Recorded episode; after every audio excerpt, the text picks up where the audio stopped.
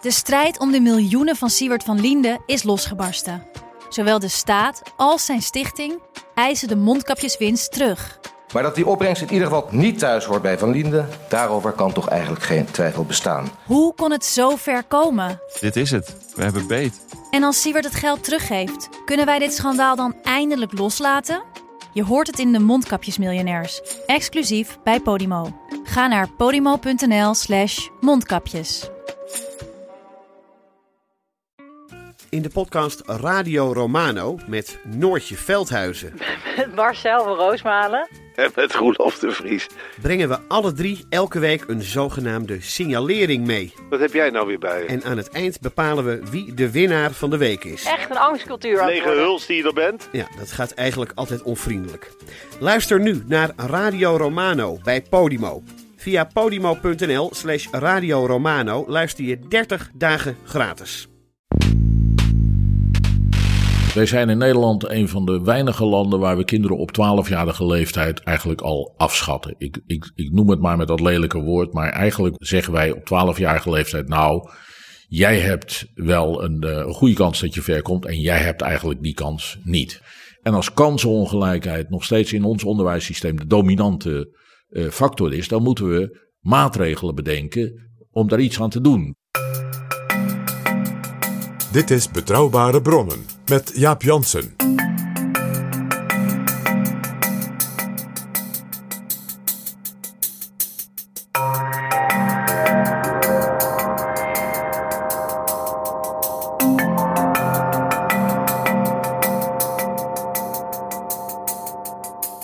Hallo, welkom in Betrouwbare Bronnen, aflevering 278 en welkom ook PG.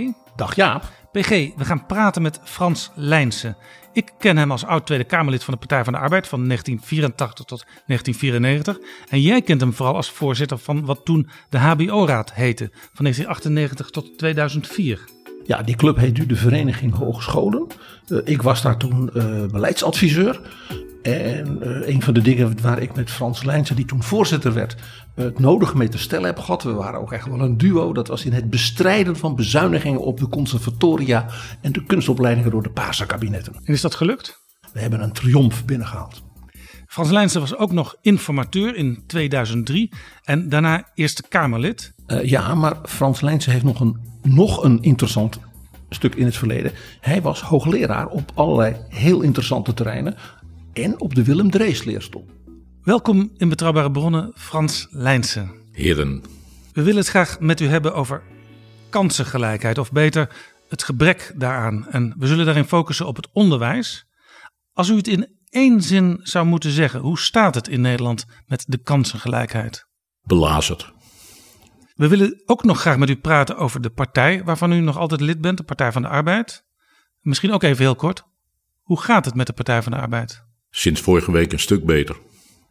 Maar eerst, PG, de nieuwe vrienden van de show. Er zijn weer nieuwe vrienden van de show, Jaap. Dat Geweldig. zijn mensen die met een donatie nog veel meer afleveringen mogelijk maken.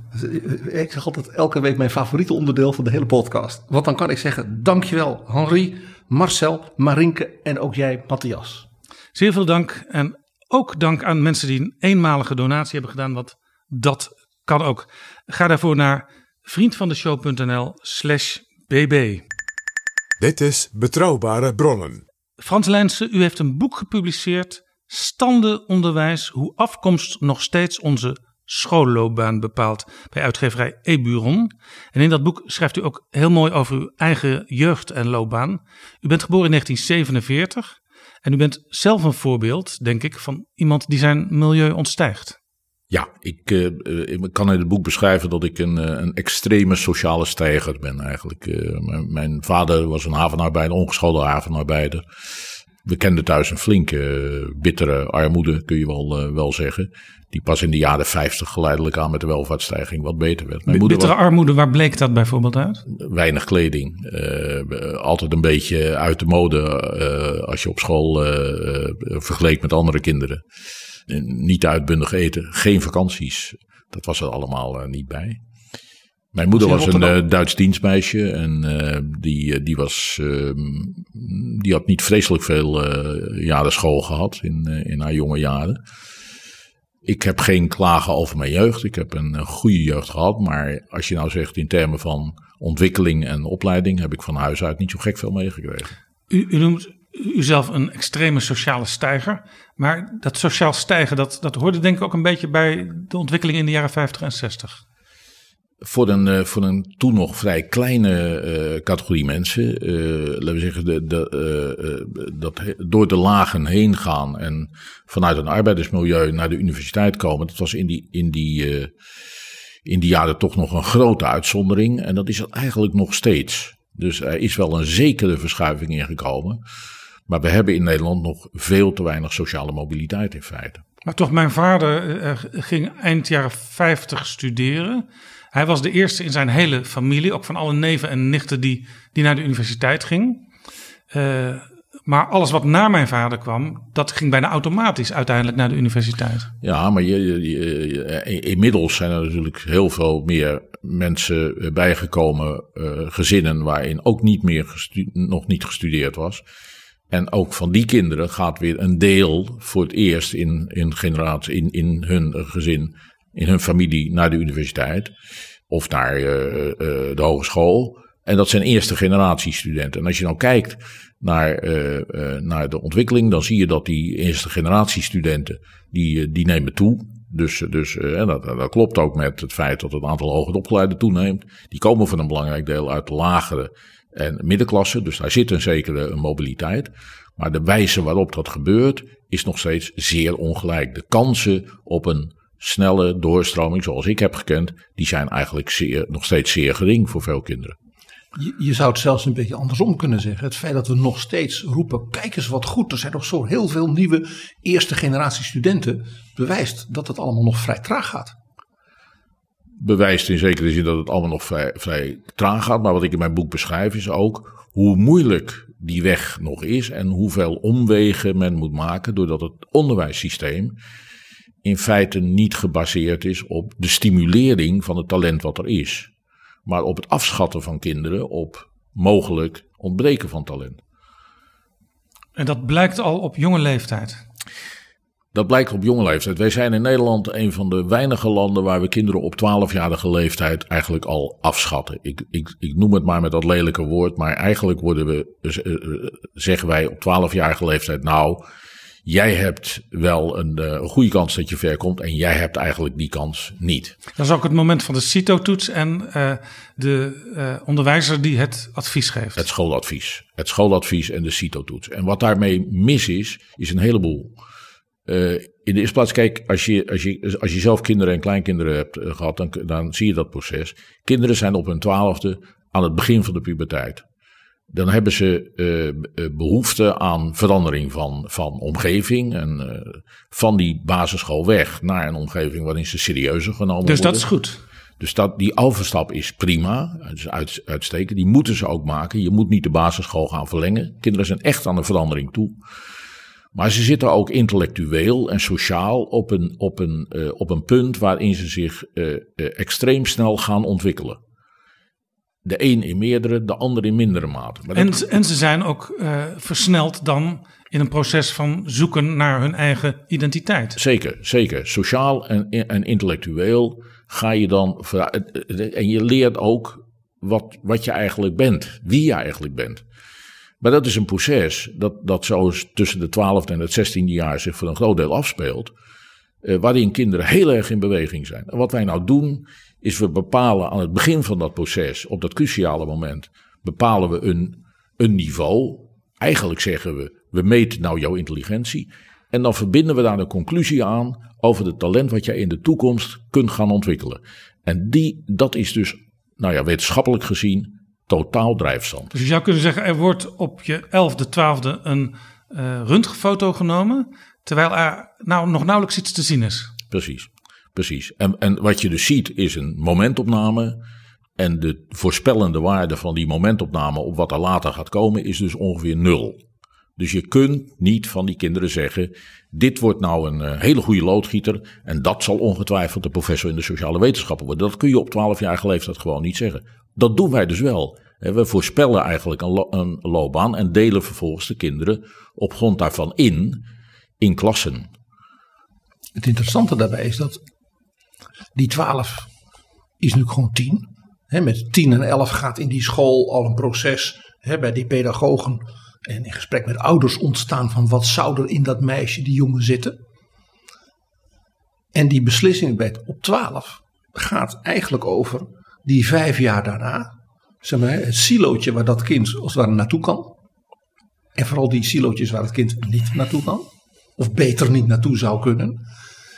En eigenlijk is dus eigenlijk het idee van wat je met nou 16, 17, 18, wat er dan uit dat proces zou komen, dat gaan we al voorspellen. Dat gaan we eigenlijk voorspellen. En dat is heel gek. Dus, dus als een kind 11 jaar is, dan zeg je eigenlijk al, jij kan waarschijnlijk wel naar de universiteit.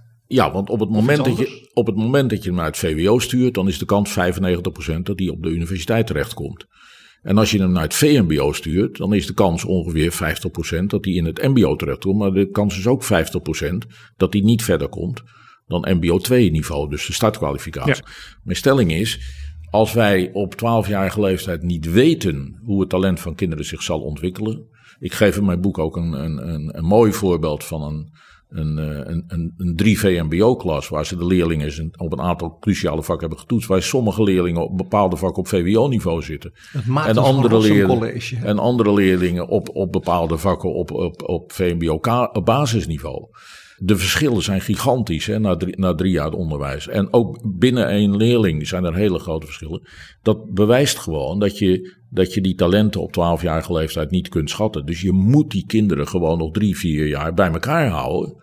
En proberen maximaal per kind te kijken wat erin zit. En als je dan op 16-jarige leeftijd komt, dan kun je zeggen: ja, die zou misschien naar de universiteit moeten, maar die kan beter een ander type opleiding nog gaan volgen. Want daar, daar zit zo'n universitaire opleiding niet in. Maar dat kun je op 12-jarige leeftijd niet zeggen. En dat doen we in feite wel.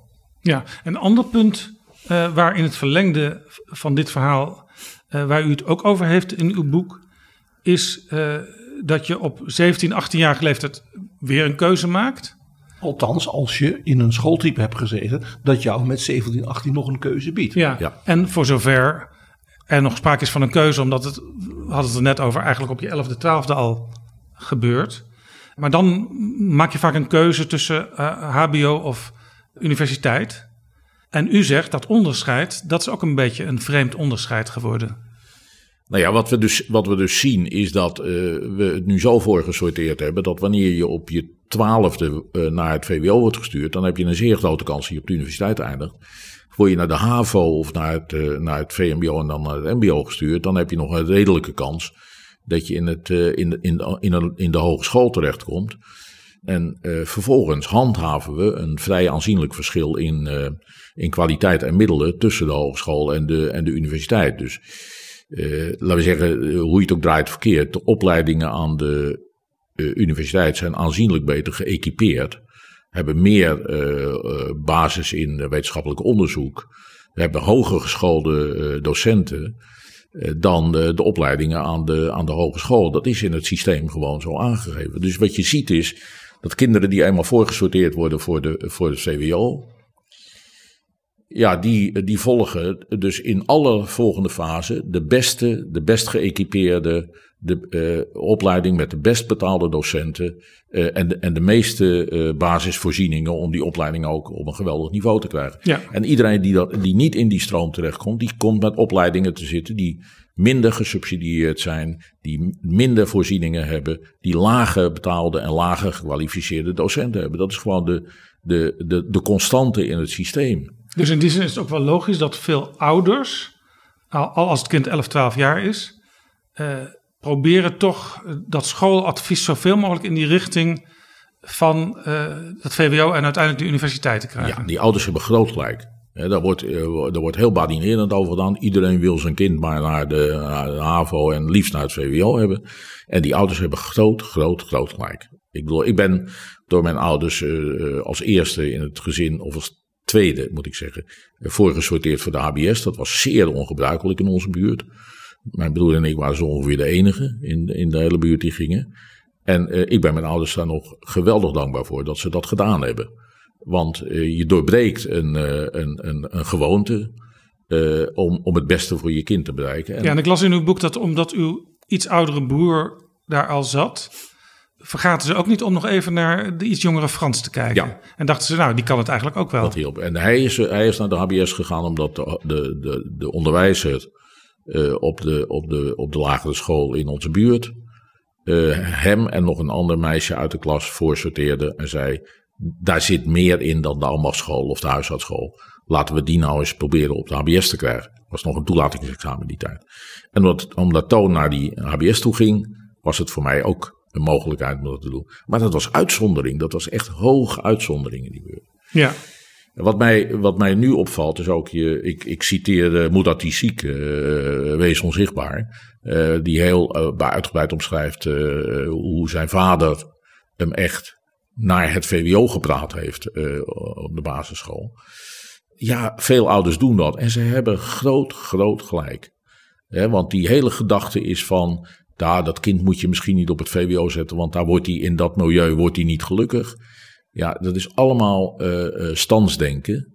Uh, die arbeiderskinderen die moeten eigenlijk misschien ook maar niet ja. met hogere standen in. En het is ook logisch omdat u ook zegt, hoe hoger die opleiding, hoewel nu een beetje ook in de maatschappelijke discussie is, mag je nog wel praten over hoog en laag opgeleid, maar hoe hoger die opleiding, hoe beter de docenten zijn en hoe meer geld erin gestopt wordt. Dus ook om die reden is, is het logisch. U schrijft in uw boek overigens dat het ook wel beter zou zijn om allerlei andere opleidingen, om daar ook meer in te gaan investeren. Ja, mijn stelling zou zijn, je zou eigenlijk uh, in, in ieder geval in de, op dat middelbaar onderwijs leerlingen uh, bij elkaar moeten houden en op, in samengestelde klassen met meer leerkrachten op verschillende niveaus onderwijs moeten geven. Dus- op, dus- opdat leerlingen zich kunnen ontwikkelen. Dus van de mate- 12 tot een jaar 15. 15, 16 zou je, zou je moeten proberen om ze, om ze bij elkaar. Nog niet. Maar dat is niet een voortzetting, zoals u zo even nogal ontraden, van de basisschool met een beetje meer. Nee, nee, nee, nee. nee. Dus het is een ander soort een ander soort school. Ja, je, gaat dus echt, je gaat wel naar middelbaar onderwijs. Je, je, gaat, je, je hebt wel een school voor pubers. Ja. Hè, dus dus en, en het klimaat daar is anders dan op de basisschool. Ze worden serieuzer genomen, ze worden wat meer op hun verantwoordelijkheid aangesproken. U zegt ook, ehm, dan eh, heeft een kind bijvoorbeeld, is, is heel getalenteerd voor biologie en voor aardrijkskunde en minder voor eh, de Franse taal. Eh, hij krijgt het allemaal wel, eh, maar hij kan op, die, op verschillende niveaus tegelijk dus les krijgen. Dan doe je, dan doe je dus twee dingen. Je, je, je, je geeft op verschillende niveaus les. Dus kinderen krijgen de gelegenheid om zich in de vakken waar ze echt goed in zijn, om zich daar ook goed in te ontwikkelen. En in de vakken waar ze minder goed in zijn, om zich daarbij te spijkeren, als het erin zit. En, en dan krijgen ze een eerlijke kans. Nu is het eh, zo dat ze op voorhand in vier verschillende schooltypen worden ingedeeld. En als je naar het VMBO gaat, het is 42% van de kinderen na de basisschool gaat naar het VMBO. Pas op, hè. Dat is de grootste, hè? Dat is het grootste, precies. Dat vergeet men vaak. Nee, dat vergeet men. Dat, kijk, de onderkant wordt altijd vergeten. Zo simpel is het. 42% van de kinderen gaat daar naartoe. Dat betekent het dat je een, een kwaliteit onderwijs krijgt waarbij je bepaalde dingen niet meer zult kunnen ontwikkelen. Bijvoorbeeld talenkennis is daar matig vertegenwoordigd. Dus, dus het Nederlands als taal, daar wordt minder aandacht aan besteed in het VMBO als in het VWO. Dan moet je er dus niet gek vinden dat de mensen die uiteindelijk in de gewone handarbeidersberoepen terechtkomen, dat die ook communicatief en sociaal een behoorlijke handicap hebben, want ze zijn daar gewoon niet voor opgeleid. Dus wat doen we? We plaatsen 42% van onze kinderen in een, in een vorm van onderwijs die niet de achterstand die ze al hebben op dat moment bijspijkert, maar die die achterstand juist versterkt en vergroot. En daar ligt het bezwaar. Eh, de school moet er zijn om bestaande achterstanden bij te spijkeren. Om je te helpen het been bij te trekken. Ja, u pleit eigenlijk voor wat je misschien een paradoxaal beeld zou kunnen noemen. Eh, Je zet eh, een grote groep kinderen veel langer bij elkaar, drie jaar. Maar je gaat ze tegelijkertijd heel erg individueel ook begeleiden. Zeker. Dit is wat, eh, wat de onderwijsraad een, eh, een jaar geleden heeft geadviseerd. Die zegt, eh, maak nou driejarige ongedeelde brugklassen... waarin je niet op basis van het schooladvies die kinderen indeelt in stromen... maar waarin je ze bij elkaar houdt in klassen. Intensiveer het onderwijs, zodat die leraren ook de kans krijgen... om leerlingen die, die achterraken bij te spijkeren... en leerlingen die, die voorop raken... wat meer mogelijkheden te geven om zichzelf verder te ontwikkelen zodat je meer eh, gedifferentieerd en individualistisch onderwijs geeft, meer maatwerk. En dan krijgen alle kinderen de kans om zich naar het vijftiende jaar toe op een eigen manier eh, te ontwikkelen en een volledige talent te laten zien. En wat je dan dus ziet zijn twee dingen. Eén, dat als je met 12, 13 zo gaat, dat eigenlijk ook die docenten, net als die ouders denk ik, geen idee hebben waar dat kind met 16 zal zijn. Want dat is een, ja, dan gebeurt er van alles met die kinderen. Dat, eh, ik zou maar zeggen, ouders en grootouders en ooms en tantes, die weten dat. Eh, en dus dat, wat u eerder zei, van dat idee, we voorspellen met 11 wat je met 18 zou kunnen, is dan weg. Dus je laat dus een open einde. En het tweede, en dat vond ik een van de meest opvallende eh, observaties in uw boek, was dat u zei: kijk, de beroepen waar zeg maar, vroeger de arbeiders voor werden opgeleid, wat er nu in het VMBO zit, die beroepen zijn ook door de technologie, door de globalisering, door nou ja, de internationalisering en de binnenkant van die beroepen zo veranderd. Dat het idee dat je dat soort jongens en meisjes een soort ouderwetse, mag zeggen, ambachtschoolachtige opleiding zou moeten geven, waarin u zei net al, de taal, uh, en andere vormen van culturele maatschappelijke oriëntatie ontbreken of te weinig zijn, dat ze daarmee gewoon geen goede beroepsopleiding meer krijgen. Nee. Dat dus een goede beroepsopleiding nu meer algemene vorming heeft dan, men, dan de mensen die zo, die zo romantisch doen over beroepsopleidingen Ja. beseffen. Ja, nee, dat is, ik denk dat dat, dat dat waar is. Als je over beroepsonderwijs eh, gaat nadenken, dan zie je dat daar ook veel mystificatie is op dit moment. Kijk, als je, als je naar die arbeidsmarkt kijkt, dan zie je eigenlijk dat, eh, dat wij nog steeds een laag van ongeschoold werk hebben. Eh, in de horeca, eh, eh, eh, eh, koffers sjouwen op Schiphol, dat, dat bestaat en dat zal ook blijven bestaan. Maar je ziet dat die arbeidsmarkt dat, dat werk vooral neerlegt bij werkstudenten, scholieren die, eh, die bij Albert Heijn werken.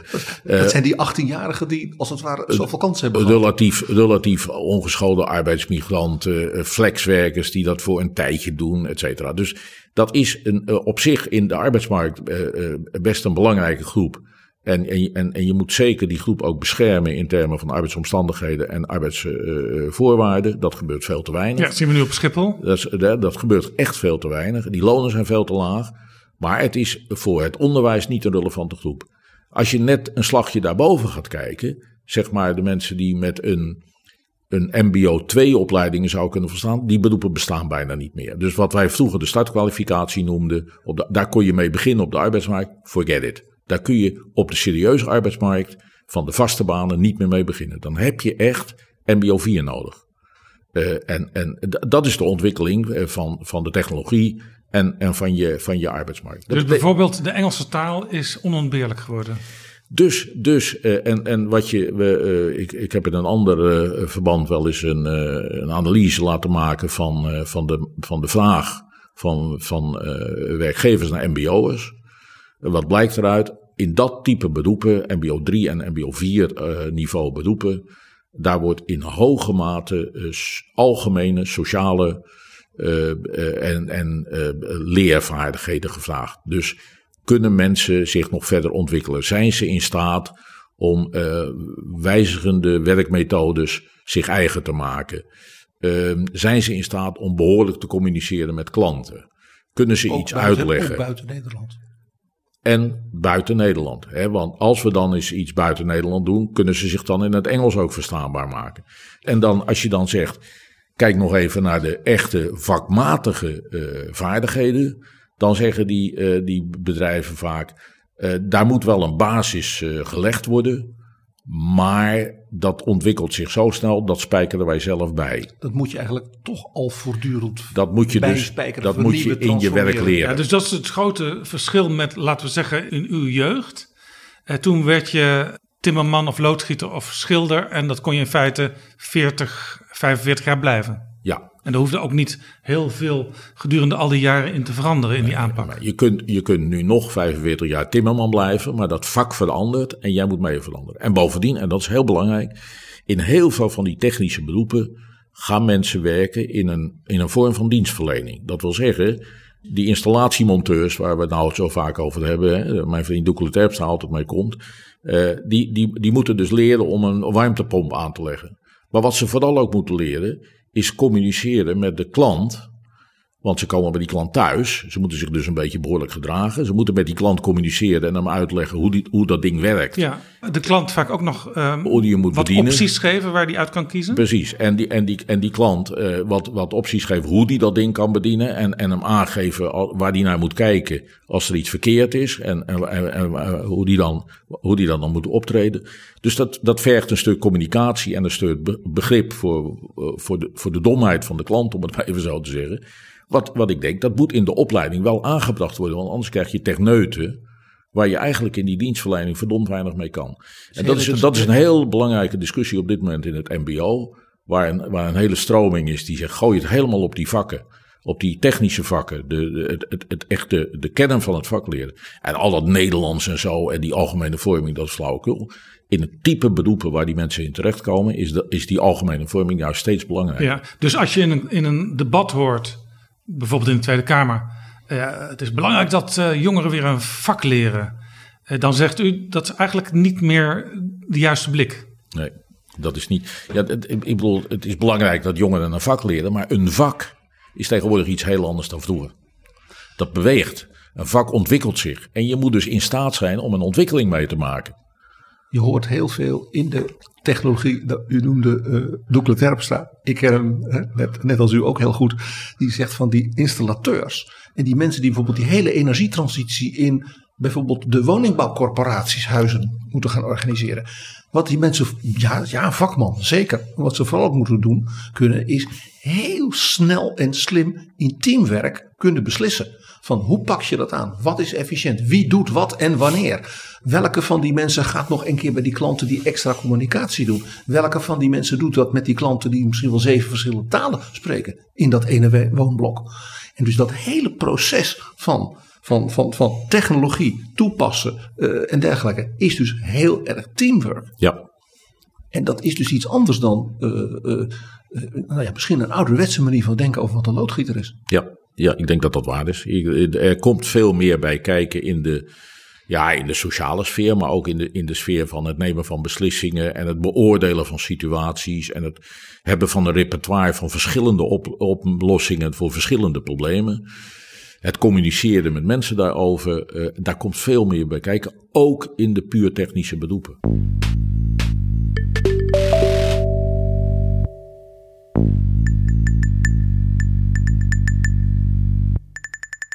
U zegt dus, je zou kinderen vanaf een twaalfde, een jaar of drie, bij elkaar moeten houden. Om ze meer algemene vorming te geven en om ze beter. Divers, diverser te ja, vormen. Individueel beter uh, te begeleiden. Is dit eigenlijk een beetje het, het oude idee uit de jaren 70 van Jos van Kemenade? Ja, het pleidooi eigenlijk voor de middenschool? Uh, daar lijkt het uh, zeker op. En ik denk dat je ook met terugwerkende kracht moet uh, vaststellen dat het zonde is dat dat, dat, dat idee toen niet tot wasdom is gekomen. Ja, het is toen vooral in nota's blijven steken. Er zijn een paar experimenten geweest, maar ja. dat was het dan. Ja, die, maar die experimenten die zijn, die zijn dus door Politiek Den Haag vakkundig drooggezet. En, en die hebben geen, geen echte kans gekregen. Heeft, heeft ik, ik vind, laten we zeggen, het, het, het denken wordt hernomen door de onderwijsraad in dat advies van vorig jaar, waar omheen het politiek vervolgens weer buitengewoon stil is geworden. Dus dat valt me dan wel weer op. Is er een soort taboe rondom dat woord middenschool uh, uh, gelegd destijds al, waardoor het nooit tot wasdom ja, kon komen? Ja, dat, is natuurlijk, dat zie je in een politieke discussie altijd. Het is, het is altijd, framing is natuurlijk een heel belangrijk uh, middel. En men heeft dat weten te framen als een, een, een onzinnig, utopisch idee, uh, wat, wat natuurlijk niet realistisch is en waar iedereen ook eigenlijk tegen was. Dat VVD-Kamerlid Nelly Smit-Kroes was toen fameus omdat zij dat het rode injectiespuitje van de minister noemde. Nou ja, weet je, dat soort, dat soort beelden. Hè? Want, maar ik, dus, dus de onderwijsraad heeft, uh, heeft vorig jaar gezegd, uh, we noemen het geen middenschool, we noemen het de driejarige ongedeelde brugklas. Maar dat komt natuurlijk op hetzelfde neer. Alleen, de onderwijsraad heeft terecht ook gezegd, als je dat wil, en je wilt eigenlijk de schooltype in de eerste drie jaren opheffen in het middelbaar onderwijs en er één ongedeelde klas van maken, dan zul je er aanzienlijk meer leraren voor moeten zetten, want die moeten op een gedifferentieerde manier lesgeven in die klas en dat vraagt wat. Dus dat kost een beetje geld extra, maar dan geef je ook veel meer leerlingen een eerlijke kans. En daar gaat het om. Ja, er was uh, vorig jaar een eh, televisieserie op de VPRO van twee uh, jonge mannen die uh, een tijdje eerst op, denk ik, op het VMBO gingen werken en later op het VWO. En dat werd allemaal gefilmd. En dan zag je op het VMBO heel veel lawaai en lawaai in de klas. maar die stagiaires, zal ik, zal ik ze maar noemen, die zagen wel dat individuele leerlingen, die hadden op allerlei manieren potentieel. Alleen uh, doordat ja, al die klassen zo vol waren en die school zo vol was en zo, hadden ze nauwelijks kans om die leerlingen individueel een beetje te begeleiden. Ja. Dus de, wat je ziet is dat als leerlingen met, uh, met, met, met kansenachterstand hè, op bepaalde vakken, die zo'n middelbare school binnenkomen, en dat is natuurlijk het geval, ik bedoel dat, dat schooladvies dat weerspiegelt een zekere reële uh, achterstand op bepaalde punten. En dat heeft te maken met wat je van huis uit meekrijgt en wat ouders dag en dag eigenlijk aan ondersteuning geven. In, in, ook in termen van de, de taal die thuis gesproken wordt. De rijkdom van de Nederlandse taal, of juist helemaal geen Nederlandse taal die thuis gesproken wordt. Maar ook in andere opzichten sociaal wat ouders hun kinderen kunnen meegeven. Kinderen die daar dus lacunes hebben, die sjouwen dat mee. Die school moet op een bepaalde manier ook in termen van van sociaal gedrag, morele standaarden, noem het maar beschaving, eigenlijk een plek zijn waar, waar zo'n kind zijn lacunes kan vullen. Die eigenlijk compenseert wat die ouders niet meegeven. Dus het hele idee van dat, dat, uh, dat wanneer je in een milieu opgroeit waar je ouders je eigenlijk betrekkelijk weinig meegeven, dat de school dat niet kan compenseren en dat de school daar niet verantwoordelijk voor is, ja, daar moeten we vanaf. Die school, voor mij was de HBS een baken van beschaving. Daar gebeurden dingen, daar, daar heersten morele standaarden die bij mij thuis niet golden. Intellectuele standaarden die bij mij niet golden. Want het is misschien voor onze jonge luisteraars van nu een wereld van ver, van ver weg. Ja, maar dat, dat, eh, laten we zeggen, het, het belang van lezen bijvoorbeeld.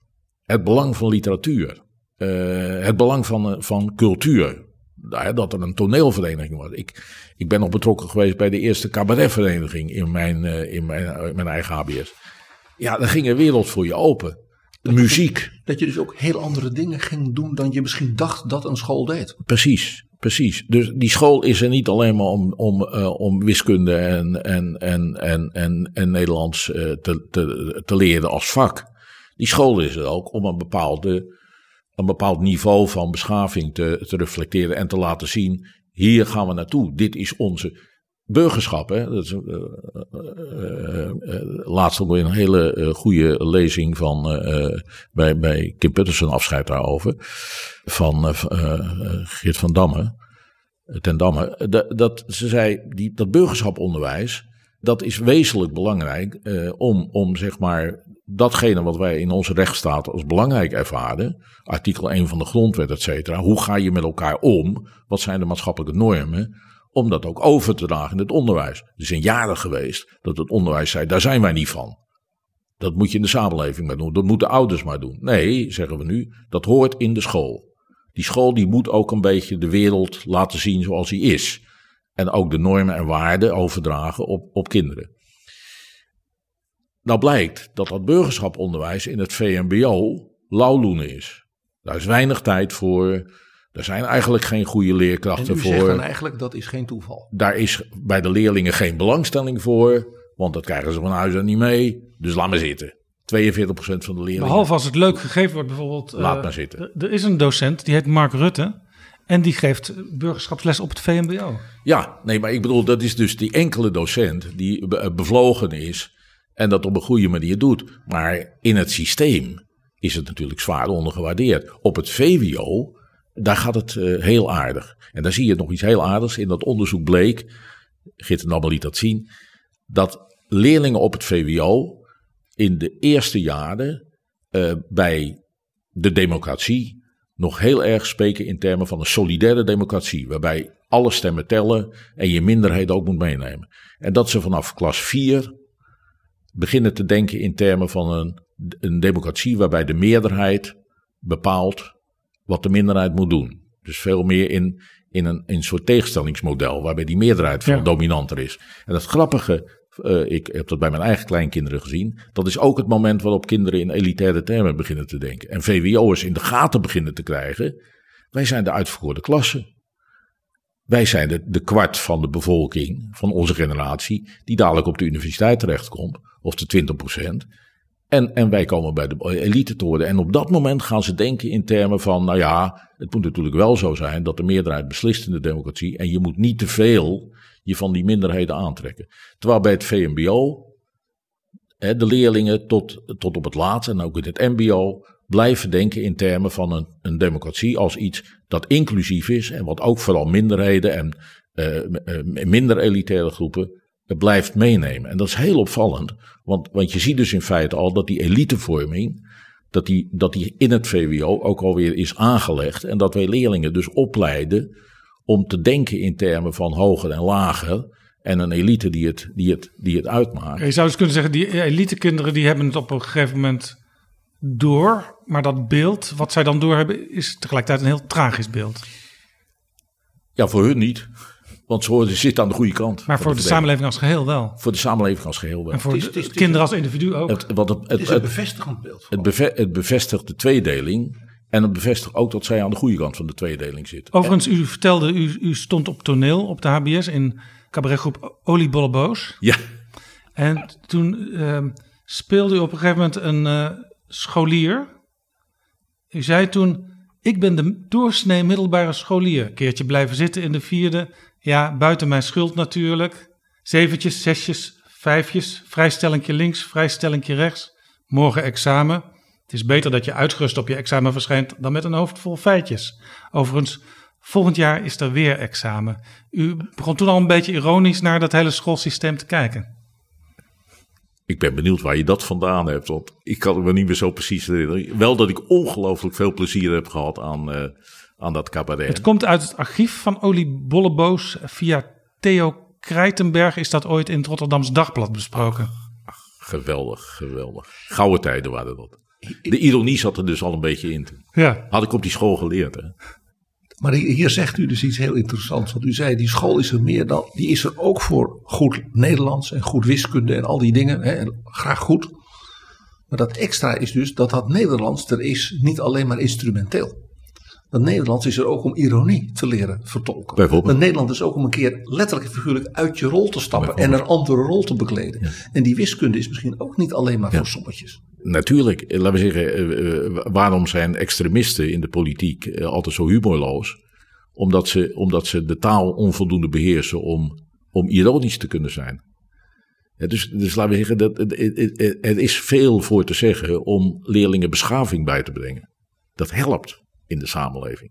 Dus op het moment dat je in je onderwijssysteem het niet als doel hebt om het beschavingsniveau te verhogen in alle opzichten, cultureel en moreel, ja, dan laat je als onderwijs iets behoorlijk liggen. En daar worden met name de mensen het slachtoffer van die dat van huis uit wat minder meekrijgen. Ja, wat ik interessant vind in uw analyse, want we hadden het er even over dat in de jaren 70 dat idee van de middenschool uh, neergezet werd door met name Jos van Kemenade. En dat is vervolgens in de discussie verdwenen. Uh, maar dat er, dat er nu maatschappelijke ontwikkelingen zijn en ook technologische ontwikkelingen, waardoor eigenlijk het idee van zo'n driejarige brugklas nog veel relevanter is geworden.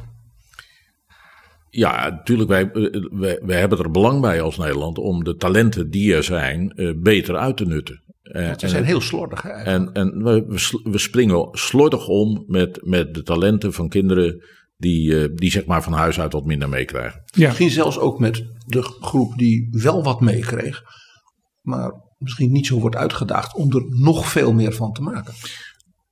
Denkbaar, de, de, de middengroep. Hè? Dus laten we zeggen, waarom, waarom is de HAVO maar vijf jaar? Waarom zeggen we tegen kinderen waarvan we denken, nou die halen het VWO niet. Uh, weet je wat, ga jij maar uh, eerst naar de HAVO, dat is een lager eindniveau. Hè? Dan kun je ook daarna naar de hogeschool, dus ook weer lager dan de universiteit. Terwijl blijkt dat heel veel van die kinderen na hun HAVO uh, in twee jaar het, toch het VWO halen. Dat vervolgens op de universiteit nog weer prima doen.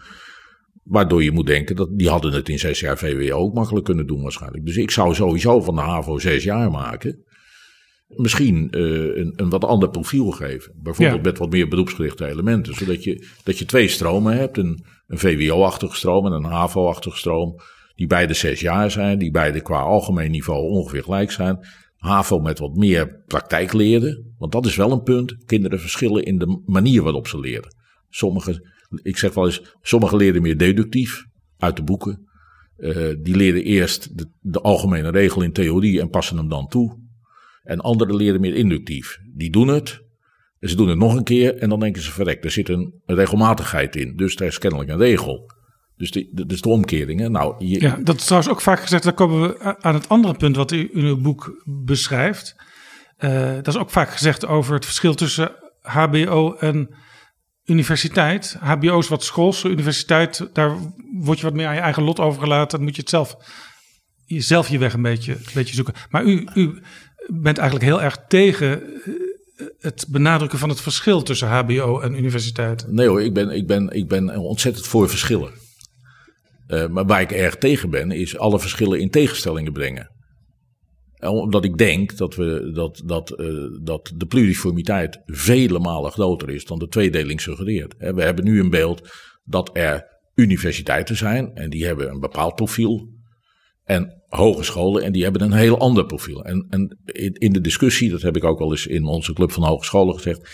Jullie stappen iedere keer in de val dat als je iets gaat doen, dat, dat je begint met te zeggen dat het wel anders moet zijn dan op de universiteit. Want de identiteit van de hogeschool is dat die anders is dan de universiteit. Dit is een valkuil. Dit is een echte valkuil. Er zijn aanzienlijke verschillen tussen universiteiten, tussen hogescholen. Tussen universiteiten en hogescholen. Maar als je die verschillen bekijkt, zijn het bijna nergens zwart-wit tegenstellingen. Het is bijna altijd een gradueel verschil. En in de, in de praktijk zijn universiteiten uh, ook beroeps, meer beroeps achtige opleidingen gaan aanbieden. Ik noem maar even. Uh, ja, het de overgrote, overgrote deel van de studenten aan universiteiten wordt niet hoogleraar, wordt niet dijkgraaf, wordt niet Plasterk, wordt niet Einstein. Die worden geen onderzoekers in R&D-instituten bij CERN en de deeltjesversneller. Het overgrote deel van de studenten aan de universiteiten gaat een beroep uitoefenen. En aan de andere kant uh, heeft u ook in uw tijd als voorzitter van de HBO-raad uh, bevordert dat er meer onderzoek ook aan hogescholen gedaan wordt. Ja, maar dat zijn nou precies van die, uh, dat zijn nou twee van die tegenstellingen. Beroepsmatig of beroepsgericht aan de ene kant versus wetenschappelijk aan de andere kant, is geen tegenstelling. Is helemaal geen tegenstelling. Of wel of niet onderzoek. Ja, dat, ik bedoel, zo werkt de wereld niet meer. Alle serieuze hoogere opleidingen moeten onderzoek hebben. Wetenschappelijk onderzoek, want anders is het geen echt onderzoek. Alleen, sommig onderzoek is wat meer theorie gedreven, andere is wat meer praktijkprobleem gedreven. Maar dat is echt een gradueel onderscheid. Eh, op dat continuum heb je vele varianten. Kijk, de universiteit, als je daarover nadenkt. Willem Otterspeer heeft een prachtige vierdelige uh, biografie van de Leidse Universiteit geschreven. Die moet je lezen. Dat is echt schitterend. Uh, en wat laat hij nou zien? Die universiteit is vrijwel integraal voortgekomen uit beroepsopleidingen. Dat begon allemaal met de chirurgijnschool.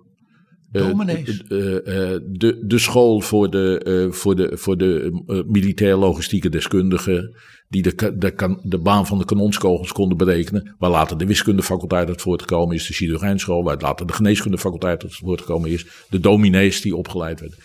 Het zijn bijna allemaal beroepsopleidingen die, dan, die zich verder ontwikkelen, die, die verder in de diepte gaan. Dat beroep ontwikkelt zich in de diepte en, en, en, en die school ook. En dat wordt dan op een gegeven moment bij elkaar, wordt dat een universiteit. Dus de beroepsopleiding binnen de universiteit, die is er al lang.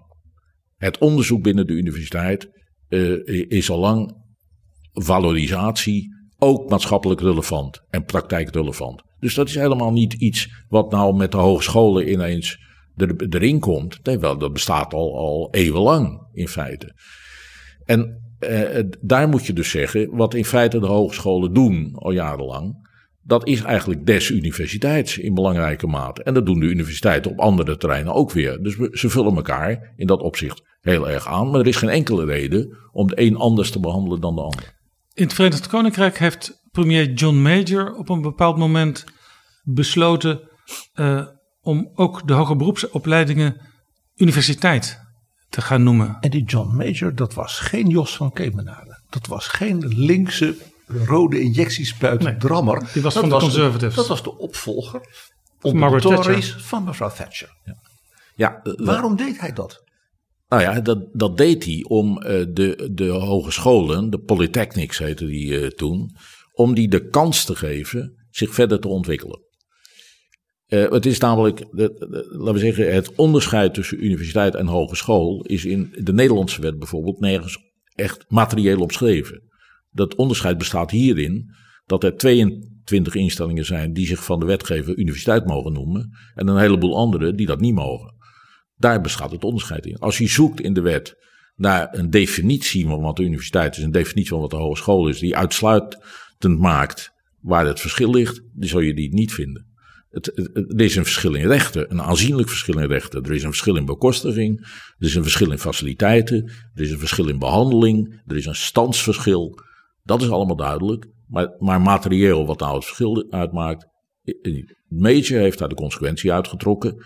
En gezegd, nou dan moeten we die, die polytechnics, die hogescholen, ook maar de gelegenheid geven om zich te ontwikkelen in een richting die voor hun uh, nuttig is. Wat je dus hebt gezien, is dat een aantal van die polytechnics, nieuwe universiteiten, die zijn de weg opgegaan van uh, uh, probeerden hun onderzoekscapaciteit uit te breiden door bij de research councils in Engeland te proberen meer geld los te krijgen. Als dan, bij, bij, in Nederland bij NWO. Ja, bij NWO. Hè, daar hadden ze een harde dobber. Omdat, uh, omdat natuurlijk de, de universiteiten met een flinke onderzoekstraditie daar natuurlijk altijd een voordeel hebben. Hè, want, want onderzoekstoewijzing gebeurt toch wel heel vaak op basis van past performance, zoals dat dan heet. De Britten hebben natuurlijk ook een aanzienlijk standsverschil in hun hoger onderwijs met Oxbridge. En... Tussen, de, tussen de universiteiten ook. Dat hebben we trouwens in Nederland natuurlijk ook. Hè. Ik bedoel, als je in Leiden gestudeerd hebt zoals ik, dan voel je je natuurlijk toch allemaal een, een stukje beter dan mensen die elders gestudeerd hebben. Dat, dat, dat is natuurlijk zo. Goed, dus dat standsverschil, de standsverschil is er dus ook. Maar dat is ook weer niet tussen hogescholen en universiteiten. Dat is binnen de universiteitenwereld. Binnen het segment. En binnen de hogescholenwereld is dat, is dat net zo. Ja, er zijn in Nederland ook, ook universiteiten eh, die eerst hogeschool waren. Uh, Rotterdam, uh, ja. Tilburg, noem ja, maar op. Ja, dat, weet je, dat, dus, dus daar, daar was ook geen principieel verschil. Wij vonden in, uh, in mijn tijd in Leiden dat ze in Delft terecht hogeschool heten. Hè, want daar leidden ze ingenieurs op. En dat waren natuurlijk geen eigenlijk geen academici, vonden wij. Hè? Dus, dus die beelden zijn er altijd geweest. En het grappige wat je nou ziet is dat die algemene beelden, die worden nu toegepast op alle universiteiten dan gaan de, alle verschillen verdwijnen. Veerman heeft gezegd, universiteiten moeten zich meer profileren. Meer ja, twaalf jaar geleden was er een commissie Veerman. Ja, verschil laten zien. Maar en, en, en aan de andere kant schijnen we dan een homogene sector hogescholen te hebben, die natuurlijk net zo min homogeen is. Waar sommige hogescholen veel meer lijken op universiteiten en andere pabo's eigenlijk, ja, teacher training colleges zijn. Uh, noem maar op. Dus je, je, je, je, je, je ziet de verschillen in dat systeem. Hè? Die, om nog eens even op die polytechnics terug te komen. In de ontwikkeling heb je gezien dat een aantal van die nieuwe universiteiten, dat die zich steeds meer op teaching gingen. Uh, dus die hebben een relatief groot aantal bacheloropleidingen, wat minder masteropleidingen en een klein doctoraatstraject. Maar andere, die zijn juist de master- en doctoraatstrajecten verder uit gaan bouwen, omdat daar vraag naar was in de markt.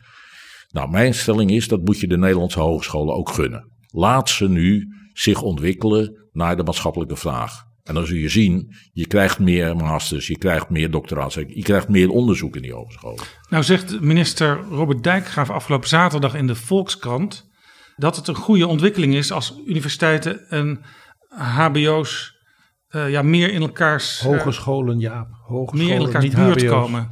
Dus, dus uh, hij zit een beetje op uw lijn, als ik het goed luister, bij hem. Ik zou het, ik zou het hopen dat, uh, dat Robert Dijkgraaf uh, op, een beetje op die lijn komt. Maar wat ik ook constateer is dat omdat het toch steeds in die tweedeling uh, moet. En ehm, ja, eigenlijk traditioneel het, het HBO altijd een beetje achteraan ligt. Zie je het eigenlijk in het beleid ook weer. Om een klein voorbeeld te noemen. Hè, er komt een pakket maatregelen met heel veel geld. 300 miljoen komt er beschikbaar om de, om de uh, jonge onderzoekers aan de universiteiten uh, wat meer uh, ruimte te geven. Uitstekend, lijkt mij. Uitstekend. Waar, waarbij de minister nog iets doet. Want hij zegt dus, of er wordt geklaagd in de universitaire wereld. De concurrentie om het geld bij NWO voor toponderzoek is zo groot dat dat als het ware demotiverend werkt om daar nog je best voor te doen. Dus wat zegt de minister nu? Ik geef 300 miljoen aan jonge onderzoekers, want dan is er minder competitie voor dat geld van NWO. Dus ik ga het ze makkelijker maken. Nou, ik, ik zou zeggen eh, eh, prima, want die, die competitie is moordend en die kost gewoon veel te veel tijd en geld. Maar het Dus, dus als, je, als je perspectief voor jonge onderzoekers wilt creëren, dan zul je er geld bij moeten doen. Dus ik ben het daar zeer mee eens. Maar dan geeft hij aan de hogescholensector, die anderhalf keer zo groot is qua studentenaantallen, anderhalf keer zo groot, mind you, daar geeft hij voor het praktijkgerichte onderwijs 50 miljoen. Dus dat is een factor 6 minder Dat, zijn, voor de een- sector dat is een die, wanverhouding. die, die voor een sector die anderhalf keer zo groot is. Dus dat is een factor min 9 eh, voor, voor het HBO. En dat is dus in het Nederlandse beleid altijd zo.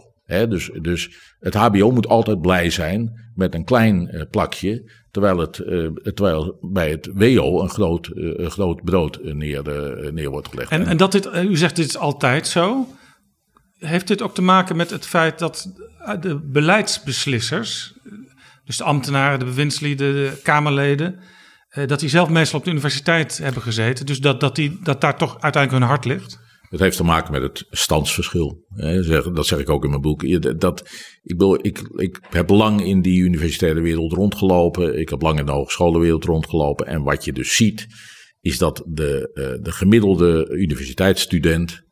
En, en, en de gemiddelde eh, universitaire bestuurder of eh, docent. Die denkt in termen van het HBO en, en de hogeschool als minder. Dat is toch een stukje minder. Die VWO-leerling van 16, die denkt er ook al zo over, zei u net. De VWO-leerling van 16 leert ook zo te denken. Dat zit dus heel diep in ons systeem. Dat, dat standsverschil, dat gevoel. Hè, dus minder. Schapper, ik las laatst een boekje 40 stellingen over de wetenschap. Van de- WO in actie. Van WO in actie. En, die, en een van hun stellingen is: maak van de hogescholen universiteiten. Want, zeggen ze, Goede dat. een heleboel, een heleboel eh, eh, leerlingen die gaan studeren, kiezen een universitaire studie omdat ze VWO hebben gedaan, terwijl ze beter af zouden zijn met een hogeschoolstudie die net zo goed is. Dat laatste, daar kun je nog over twisten, maar, maar het eerste is absoluut waar. Er zit een heel eh, verstorend element in, eh, in onze studiekeuze van, van, van studenten. Waardoor je op bepaalde wetenschappelijke studies echt veel te veel studenten hebt. En op bepaalde hogeschoolstudies eigenlijk te weinig. Wat is dat verstorend element? Want in feite zegt u dus, behalve dat die keuze met 10, 11, 12 niet goed gesorteerd is, zegt u nu dat die keuze die dan zeg maar vijf jaar later komt, opnieuw niet goed gesorteerd Opnieuw is? niet goed gesorteerd Wat is dat verstorend element? Het verstorende element is dat, dat leerlingen op het moment dat ze het, het, het VWO hebben achter zich hebben denken, ik moet naar een universitaire studie. Als ik nu een hogeschoolstudie zou kiezen, dan, dan, dan ga ik eigenlijk een stapje in, in, eh, in status terug. Oh, dan maak ik mezelf een HAVO-leerling. Dat maak ik mezelf met terugwerkende kracht een HAVO-leerling. Dan ben ik een beetje een loser. Dus ik moet, ik moet naar die universitaire studie. Terwijl als je naar de talenten kijkt van deze mensen, dan zou je moeten zeggen: ga nou niet eh eh, Co- Cordea-studie studeren in Leiden, maar ga bijvoorbeeld naar de hogere hotelschool, want dat is eigenlijk een prima managementopleiding en jij past veel meer qua talent in die sector. Nou, wat je dus ziet is dat het standsverschil tussen hogeschool en universiteit een enorm verstorend element in de studiekeuze is. En de mensen van de universiteiten die, die, die met die enorme werkdruk van die groeiende studentenaantallen zitten, dat snap ik wel. Die klagen daarover. Die zeggen als we dat zindelijker zouden kunnen doen, eh, maar dan moeten we het standsverschil wegnemen. Dan mag je verwachten dat, eh, dat er ook betere keuzes worden gemaakt. Maar dat geldt ook omgekeerd. Namelijk, een aantal van de, van de leerlingen die nu van de HAVO of van MBO 4 komen met een omwegje. eh, die je eigenlijk heel goed in een, in, een, in een wetenschappelijke studie zou kunnen hebben. En die ook misschien veel meer voorgesorteerd zijn om onderzoeker te gaan worden. Zet die dan eh, liever en geef ze de mogelijkheid. Dus de, ik zou zeggen, maak de HAVO zes jaar. En geef, geef de, de toegang tot universiteit en hogeschool vrij. Maar waardeer dan ook de hogescholen op tot universiteit. Want als je het standsverschil handhaaft, dan blijft dit verstorende element erin zitten. In de universitaire wereld heeft men met grote regelmaat bij dit punt dan altijd een vaste term. Ja, maar we mogen ook niet selecteren. Dat doen ze dus wel. Ja, want het verhaal van eh, selectie aan de poort. Dan zouden wij dus bij wijze spreken minder getalenteerde jongeren eh, als het ware kunnen wegsturen. Hè? Want dat is eigenlijk eh, wat daar impliciet in zit. U zegt in zekere zin hetzelfde. Van er zijn heel wat VWO's die gelukkiger en misschien ook effectiever in hè, hun rol in de samenleving vinden via een HBO-opleiding. Maar hoe moet de universiteit dan komen tot dat, die impliciete selectie? Want selectie aan de poort, ze zeggen het wel, maar ze doen het natuurlijk nooit. Wat ze op dit moment doen is op vrij grote schaal wel selecteren aan de poort. Er zijn uh, steeds meer numerus fixus opleidingen. Uh, ik heb daar uh, met mijn eigen kleinkinderen een paar krasse voorbeelden van gezien. En dan gaat het niet om, om, om ehm, het wegselecteren van 10% van de aanmeldingen. Nee, dan, dan zijn er 1200 aanmeldingen voor 400 plaatsen hè, op, op gewone studies. En dat betekent dat je dus uh, een, een, selectieproces hebt waarin cognitief en sociaal wordt gekeken wat, uh, wat de mogelijkheden zijn van de studenten. Dan nemen ze er dus één op de drie of één op de vier nemen ze eraan. Dat betekent dat honderden studenten niet de studie van een eerste keuze kunnen doen. Omdat daar gewoon, daar komen ze niet binnen. Dus dan moeten ze een andere keuze gaan maken. De reden om het, het standsverschil tussen universiteit en hogeschool weg te nemen is vooral dat die, dat, dat, dat die studenten dan vervolgens een, ook voor hun eigen gevoel, uh, gelijkwaardige keuze kunnen maken.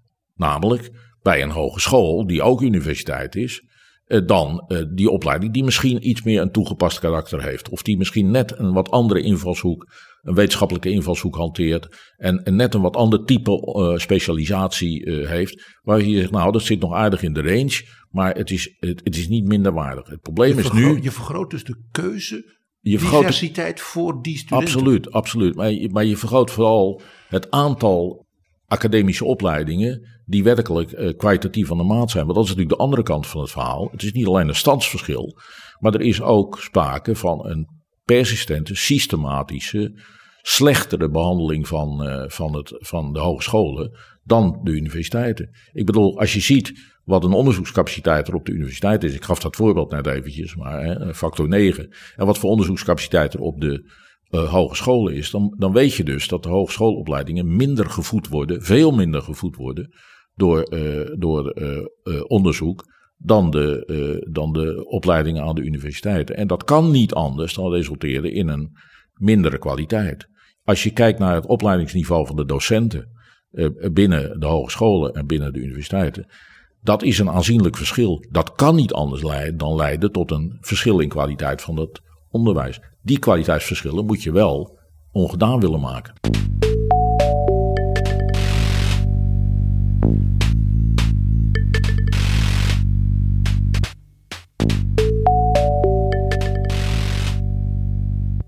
We hebben het gehad over twee belangrijke keuzemomenten in een jong leven.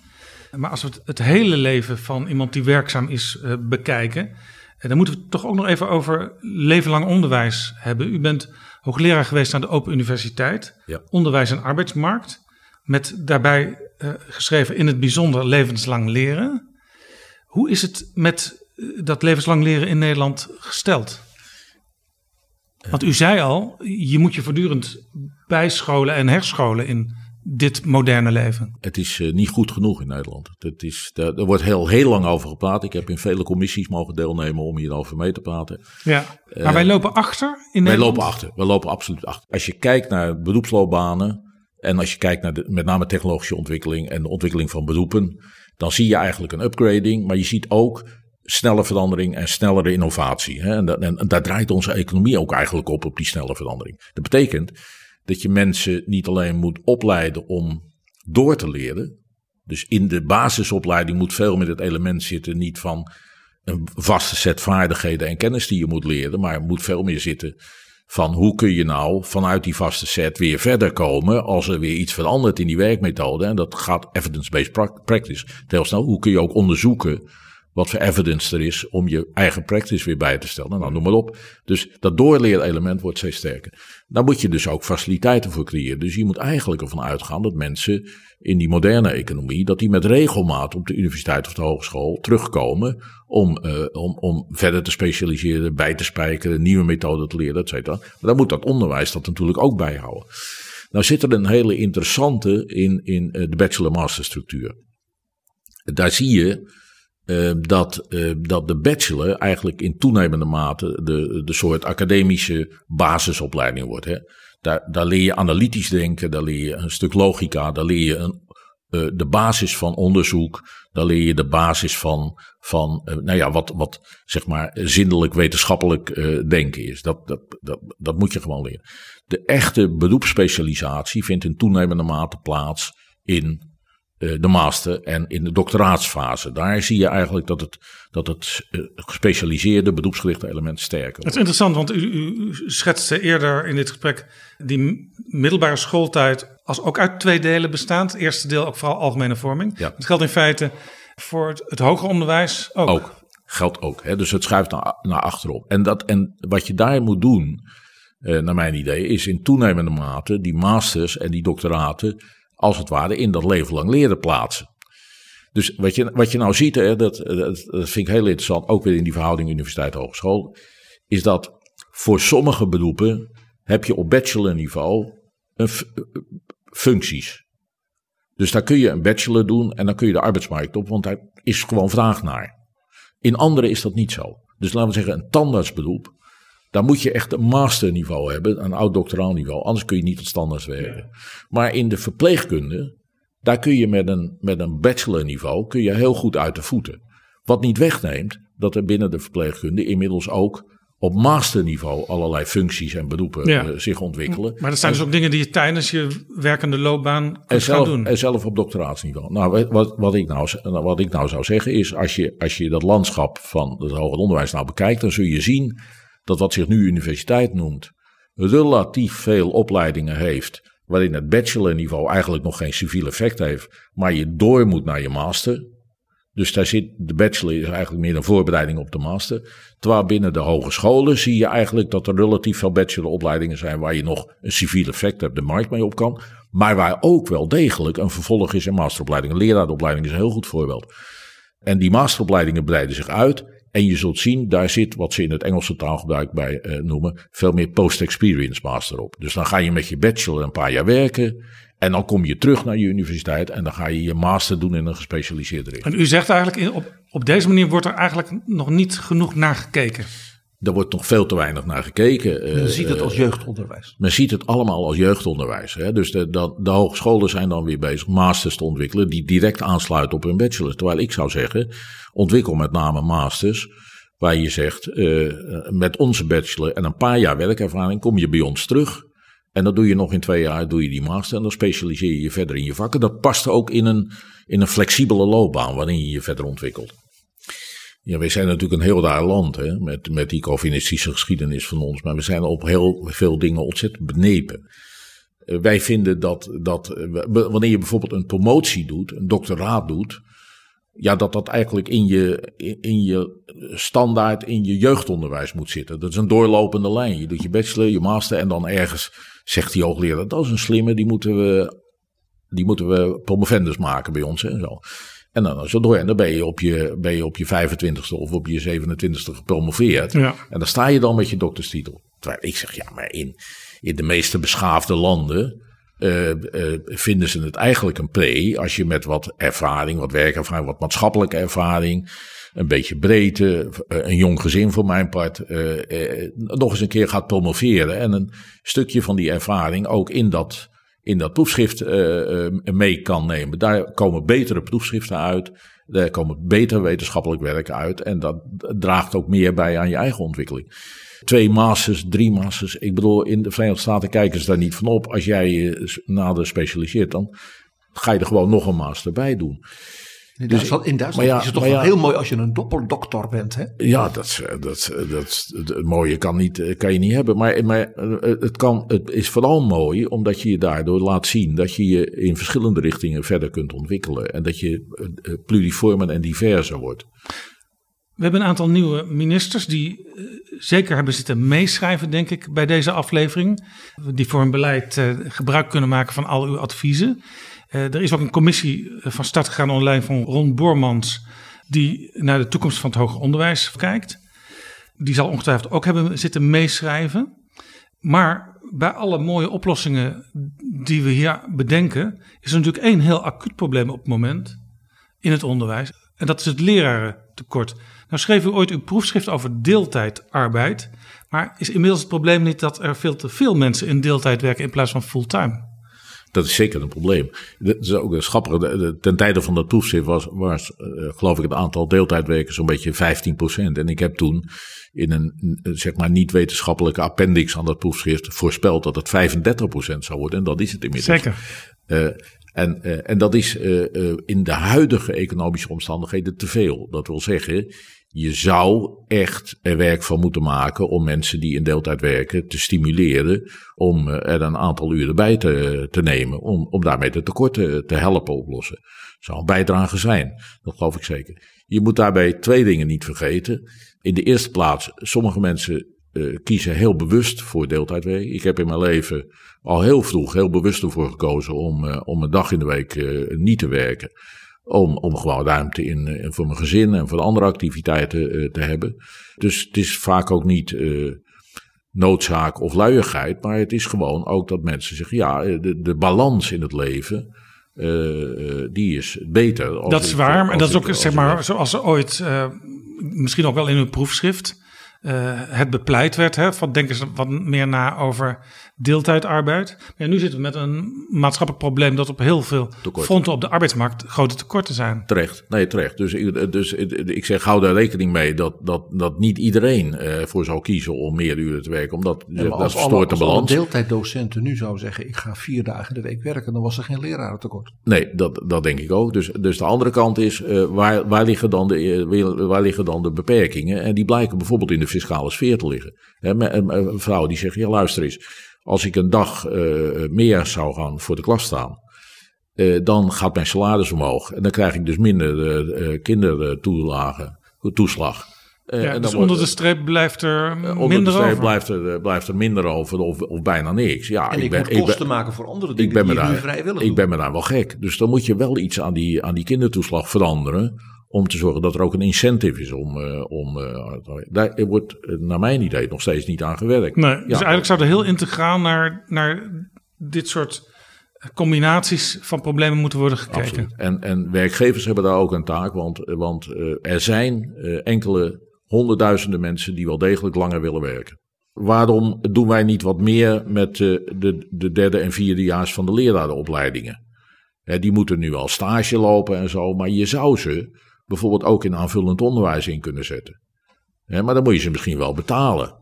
En dan, voeg je ze aan scholen toe als een soort junior leraren. Die dan bijvoorbeeld zorgen dat die, dat die, die bijspijkercursus of bijles of huiswerkbegeleiding die nu voor duur geld worden ingekocht uh, bij bureaus. Dat die gewoon schooleigen, door de school zelf aangestuurd, kunnen worden gegeven zonder dat die leraren extra belast worden. Is dit ook een manier om dat andere hele grote problemen in het onderwijs, uh, zeker in beginnend onderwijs, uh, te helpen oplossen? Namelijk de dalende kwaliteit, de snel dalende kwaliteit van het taal- en rekenniveau. Uh, ja, je, je moet in ieder geval uh, iets doen aan, uh, aan de kwaliteit van de lerarenopleidingen op dit punt. dat is een beetje een black box. daar, praten we wel iedere keer over, maar, maar we laten het toch aan de mensen kennelijk in de lerarenopleidingen over. En dat, je moet eerlijk zijn en zeggen, dat levert niet genoeg op. Je ziet, er staan te veel leraren voor de klas die nog om de havenklap de foutfout maken. En, en, en andere bekende, de die en de dat fout, noem maar op. En, die, en dat zie je dus vervolgens na enige tijd uh, aan je kinderen. En, en, en in de krant morgens zie je dat allemaal weer terug. dat, dat, dat die fouten steeds vaker voorkomen in. Hè? Ik besef me wel dat dat, dat heel ernstig is. Ja. Dus, je, de, dus er, er, zit daar wel degelijk in de basis. En mijn, mijn moeder bestaat ook niet meer. Het is mijn moeder geworden. Mijn moeder. Dat is het altijd al geweest. Mijn moeder is het altijd al geweest. ik ben Rotterdammer. Uh, ja, dan krijg je het altijd over mijn moeder. Dus, dus, dus je, uh, de, uh, daar zit in de basis iets verkeerd. Daar kun je best iets aan doen. Maar dan moet je wel het geld geven en de middelen om te zeggen: oké, okay, we gaan dat vak Nederlands op de leraaropleiding echt opkrikken. Want het is een kernvak. Hè? Ik bedoel, dus er is uh, toch wel redelijk wat bekend in de onderwijskunde over wat leerlingen nou beter laten leren. Een van de dingen is bijvoorbeeld, als je beter leesonderwijs geeft, dan gaan en, en, en leerlingen uh, krijgen meer taalbeheersing, dan wordt hun uh, prestatie op alle vakken beter. Want zelfs bij rekenen moeten ze toch de opdracht kunnen lezen. Ja. En als hun taalbeheersing onvoldoende is, kunnen ze die opdracht niet lezen, wordt hun rekenvaardigheid ook minder. Dus alle experimenten zijn gedaan met uh, vroeg gaan lezen en voorlezen. En systematisch volhouden dat lezen, lezen, lezen, taalbeheersing. Dat dat, uh, dat, dat belangrijk is. Schrijven. Cabaret, dat, cabaret, dat, toneelclubjes. Die, die, laten, die laten zien dat dat leidt tot een algemene verhoging van de prestaties van kinderen. Nou, hoe moeilijk kan het zijn om in plaats van allerlei dingen op die scholen te leggen, tegen ze te zeggen: kom op, we gaan het leesonderwijs en het schrijfonderwijs, dat gaan we gewoon weer ouderwets uitbreiden. Kijk, ik ben er ook heel erg voor uh, om, om het onderwijs terug te geven aan de leraar. Je moet, maar dat, in, dat geldt voor bijna alle vakken, je moet zoveel mogelijk de mensen in de uitvoering ook de, de sturing laten doen. En je moet ze zo hoog opleiden dat ze dat ook kunnen. En dat geldt heel erg voor het onderwijs. Hè. De kwaliteit van het onderwijs wordt voor 100% bepaald door de kwaliteit van de leraar. Zo is het. En wie kinderen heeft op school, die, die, die, die hoort dat dagelijks. Hè. Dus een kind kan een vier halen voor Frans. Hij gaat toch nog over. In de volgende klas krijgt hij een andere leraar. Daar klikt het mee en dan haalt ineens een acht. Dan denk je, hoe komt dat nou? Ja, die leraar die legt het gewoon veel beter uit. Dus, dus er zit heel veel uh, uh, mogelijkheid in het onderwijs teruggeven aan de leraar. Uh, en de leraar in de positie brengen dat hij ook kwaliteit kan leveren. En daar begint het. wij weten natuurlijk diep in ons hart allemaal dat heel veel leraren net zo conservatief zijn als de rest van Nederland. Misschien nog wel een gaatje conservatiever. het waren de leraren van het NGL die in de tijd de middenschool de vernieling Ja, het Nederlands Genootschap van Leraren. Waar, ja, waarom? Omdat ze niet wilden veranderen. Ook die mentaliteit zit er op veel scholen in. Maar mijn stelling is altijd: kijk niet naar de oudere leraren, kijk naar de jonge leraren, de bevlogen leraren, die van de opleiding komen en die werkelijk iets willen veranderen. Die werkelijk iets met die kinderen willen doen. En investeer daarin, geef die de mogelijkheid uh, om het ook echt te doen. En, en laat je niet leiden door de clubs van, van, de, van de. Ja, ik ben zelf bijna 75, maar uh, van de oudere leraren. die natuurlijk het allemaal al een keer gezien hebben. en die eigenlijk vinden dat de manier waarop zij het 50 jaar gedaan hebben. dat dat de beste manier is. Daar winnen we de oorlog niet meer mee. Maar wat u net zei, komt dus met. ik zal maar zeggen, mechanismen. om de deeltijders meer te laten doen. Dan zou je ook kunnen zeggen, wat kunnen we doen om zeker de jongere leraren, als we in een soort houding te brengen van ik ben permanent met mijn vak bezig. Ik ben voortdurend weer bezig die kwaliteit te verbeteren. Dat leesonderwijs, daar ga ik nog een extra ding voor doen, zodat ik daar een soort zeg maar, centrale sturingsdocent van word. Maak van de leraar de opleiding een permanente opleiding. Dus zeg tegen mensen, dit is vier jaar opleiding, dan ga je voor de klas, na vijf jaar kom je terug. Het begint pas daarna. Dus dit, dit, is niet een, dit is niet een vak wat ophoudt bij de bachelor. Na een paar jaar zul jij terug moeten komen om je master te halen. En, dat, en dan moet je je verder ontwikkelen. En in, in, in die cyclus van steeds maar weer opvolgende opleidingen, dan krijg je ook veel meer leraren die een master niet Maar je krijgt veel meer leraren die uiteindelijk gepromoveerd zijn. Maar in die ontwikkeling kun je dus dit soort elementen als veel meer leesonderwijs ook gaan inbrengen.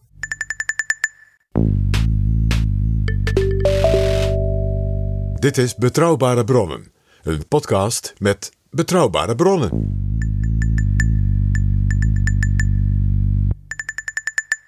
Heel veel van de onderwerpen die we de afgelopen vijf kwartier hebben besproken staan in het boek Standenonderwijs, hoe afkomst nog steeds onze schoolloopbaan bepaalt.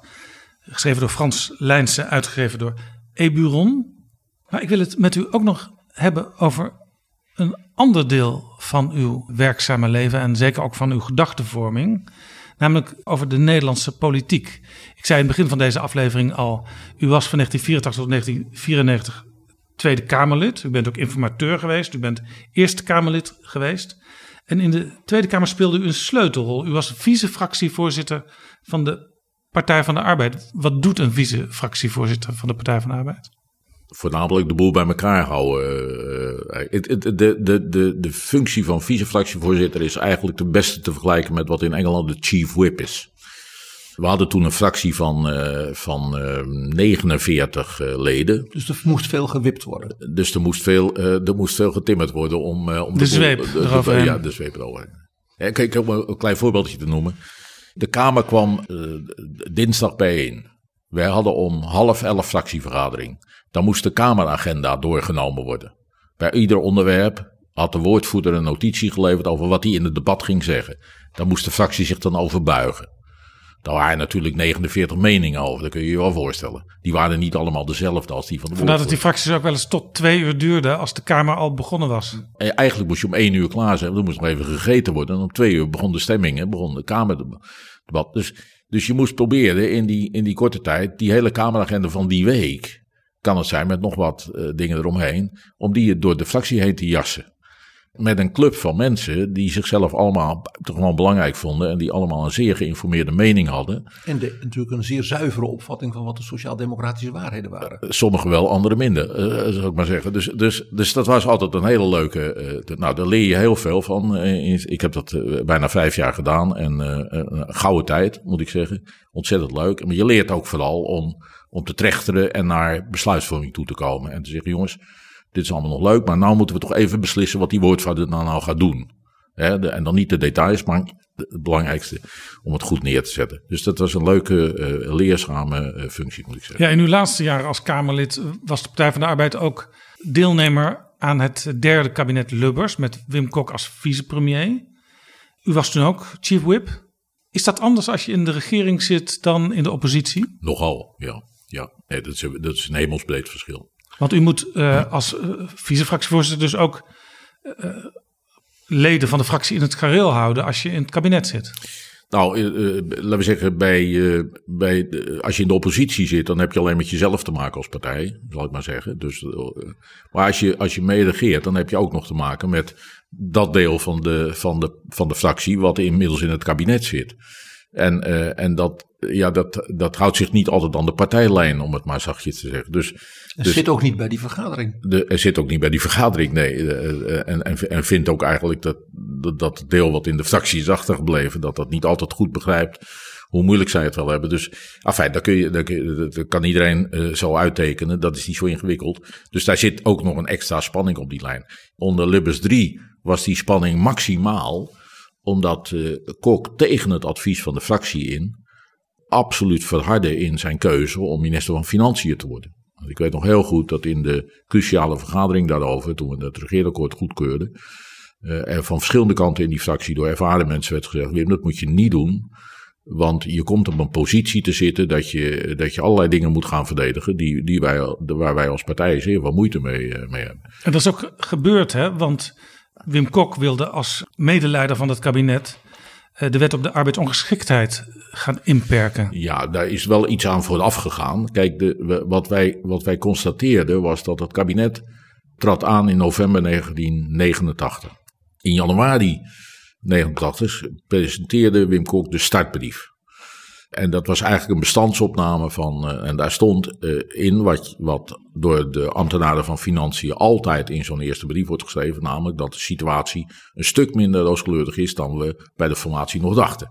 En dat dus eigenlijk het regeerakkoord voor de helft wel afgeschoten moet worden. En dat was verdomd net die helft die we er als PvdA in, in geonderhand En die ambtenaren hebben ook altijd heel veel ideeën over mooie bezuinigingsopdrachten. ja, ja die, dat was natuurlijk ook al. Er waren veel grotere bezuinigingen nodig dan we gedacht hadden bij de formatie. En de rapporten lagen al klaar En- om daar allerlei varianten toen, van door te voeren. en wat toen bleek, was dat, dat, eh, dat, eh, dat wij weliswaar eh, samen met Wim Kok nog de onderhandelingen over, de, over het regeerakkoord hadden gedaan. Maar dat hij nu inmiddels niet meer de vertegenwoordiger van de Partij van de Arbeid was. Maar de, de beste woordvoerder van het ministerie van Financiën die ze ooit gehad hadden. Daar ging dus eigenlijk al gebeuren wat velen vreesden. daar, ging, daar ging dus, daar ging al, dat, al na drie maanden werd al duidelijk dat Wim erg op de lijn zat van ik moet een goede minister van Financiën zijn, degelijk.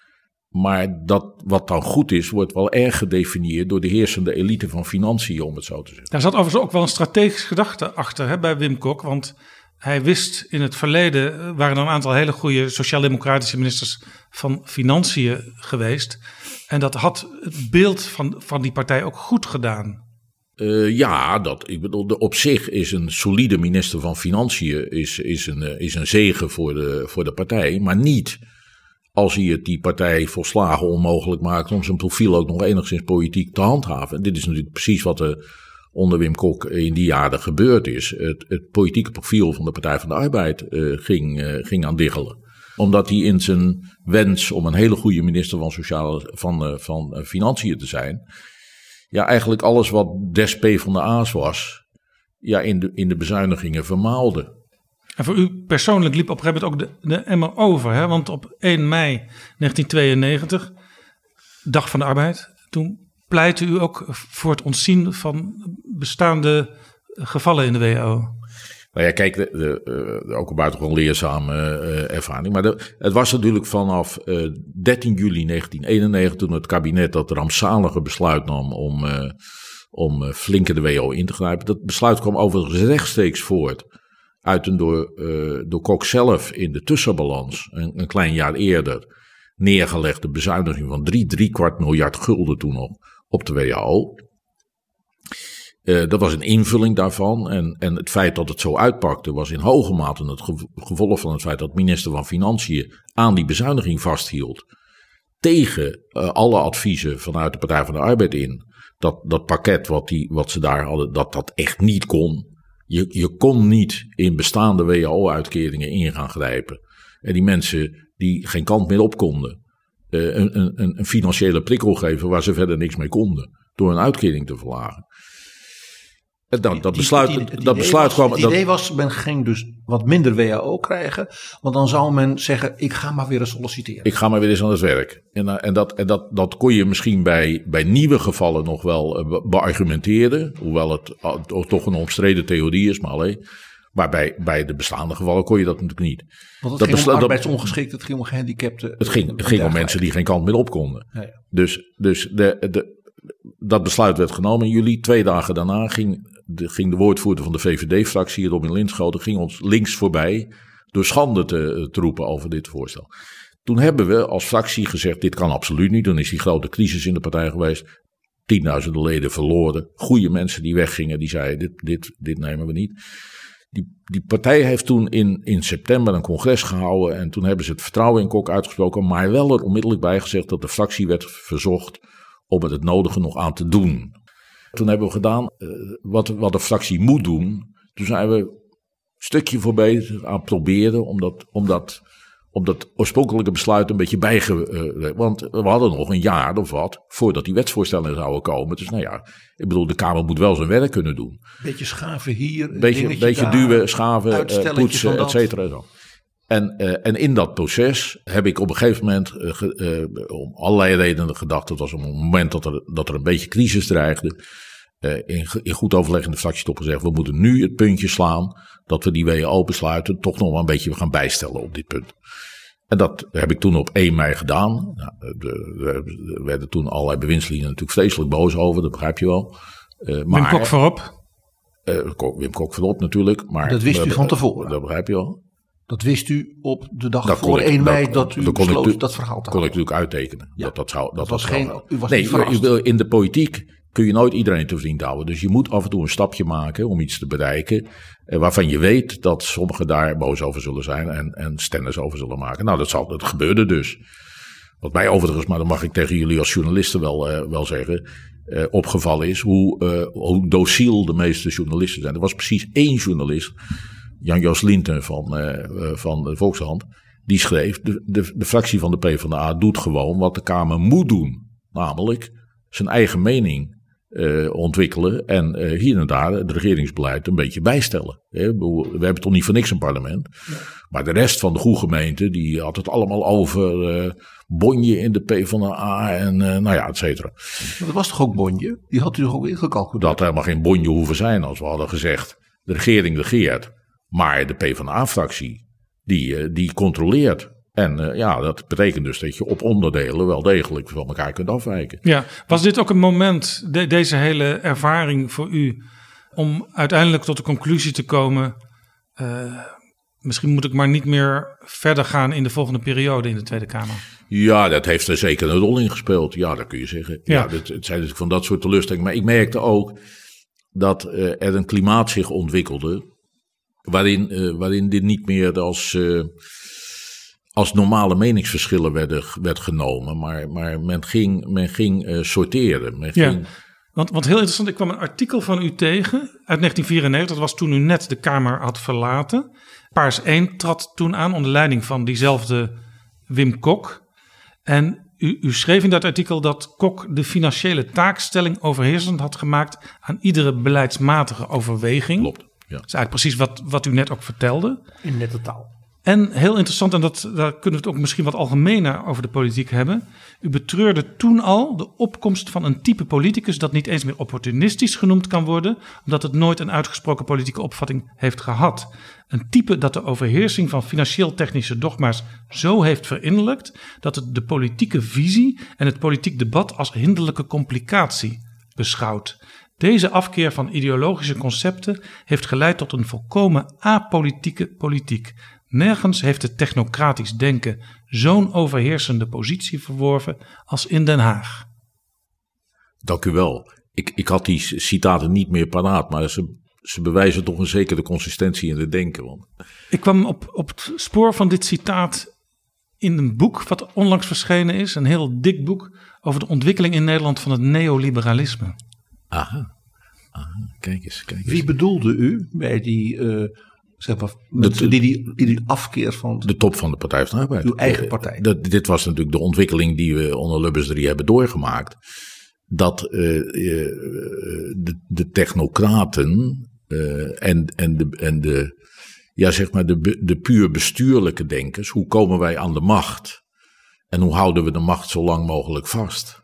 En hoe zetten we een, een solide bestuur neer?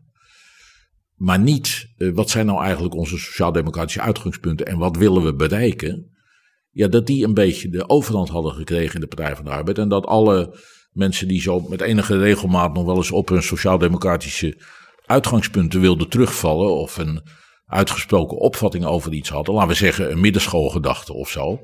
Dat die aan de periferie begonnen te raken of, of uh, naar de periferie geduwd werden. Ja, dus, dus interessant, want we hadden het eerder in dit gesprek uitgebreid over die middenschool, die we dan nu de, de driejarige brugklas zouden noemen.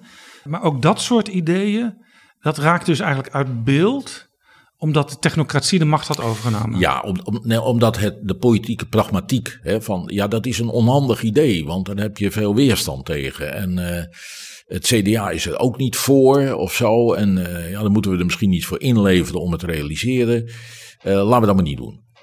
dus, dus wat je heel erg zag in die jaren was dat de, de politieke pragmatiek vertaald in, in zeg maar het, het, het credo van, van het niet te grote begrotingstekort en de verstandige bezuinigingen, et cetera. De efficiënte overheid, noem maar op. Dat, dat dat eigenlijk heel dominant in het denken begon worden. Als je een volkspartij wil zijn, dan heb je naast die bestuurlijke stroming die iedere keer zegt: ja, jongens, we moeten wel compromissen sluiten. Dus we moeten nu met het CDA regeren. En dat betekent dat we wel iets in moeten leveren. Of we moeten enigszins pragmatisch zijn. Of het begrotingstekort moet niet helemaal uit de hand lopen. Die uh, allemaal zinnelijke gedachten. Dat die stroming gebalanceerd wordt met stroming die zeggen: ja, maar wij moeten ook een toekomstvisie hebben op het onderwijs. En als kansenongelijkheid nog steeds in ons onderwijssysteem de dominante uh, factor is, dan moeten we maatregelen bedenken om daar iets aan te doen. We moeten een toekomstbeeld schetsen van een onderwijs wat meer kansengelijkheid biedt. Ja. Want als we dan naar die kiezer dit, gaan. Dit is dus het gevaar dat een partij die lang aan de macht is, elke partij zou je kunnen zeggen, bedreigt. Dat, de, de, in het CDA is precies zo gegaan. Dus dat is, volkspartijen worden daardoor bedreigd. He, dus mijn, mijn stelling is: je hebt radicale ideeën nodig en radicale denkers. Jos van Kemenade was een typische radicale denker. Die, die, die maar zag ook een hele solide bestuurder. Want u ook een hele solide solide bestuur alsof nee. dat iets negatiefs nee, nee, nee, nee, nee. Je hebt allebei nodig. En de echte goede mensen, die hebben het beide in zich. Zoals Jos van Kemenade Die hebben had. het beide in zich. Die denken radicaal. Die kunnen, die kunnen consequent doordenken dat als je kansengelijkheid en emancipatie wil bevorderen, dat je dan tot zoiets als de middenschool komt. En die gaan daarvoor. Die staan daar ook voor. En, die, en, die, en wat voor drek ze ook over zich heen krijgen, ze blijven daarvoor staan. En, en, en dan heb je de, de bestuurlijke denkers. En als je dat kunt combineren in een politiek, dan heb je goud in huis. Dus laten we zeggen, Joop den Uil was natuurlijk het, het, het, prototype van de man van het midden, de smalle marges. En tegelijkertijd een man van het eerlijk delen en de spreiding van kennis, macht en inkomen. Nou, daar zie je het. Daar zie je het hè? Dus radicale opvattingen die bij een deel van de volk helemaal niet goed passen, maar die bij, bij het electoraat wel aangeven. Oh, nou weten we waar die man voor staat. Tegelijkertijd, je weet ook dat hij aan de macht wil komen en dat hij, als hij aan de macht is, daar ook iets mee wil doen. Wat je nou in de Partij van de Arbeid in, die jaren hebt gezien en wat zich de la, nou ja, daarna heeft doorgezet, is dat die bestuurlijke stroming uh, niet alleen heel erg dominant is geworden, maar ook die radicale ideeën naar de marge heeft gedrongen. Een beetje eruit, eruit heeft gedrongen, omdat ze dat ongemakkelijk vonden.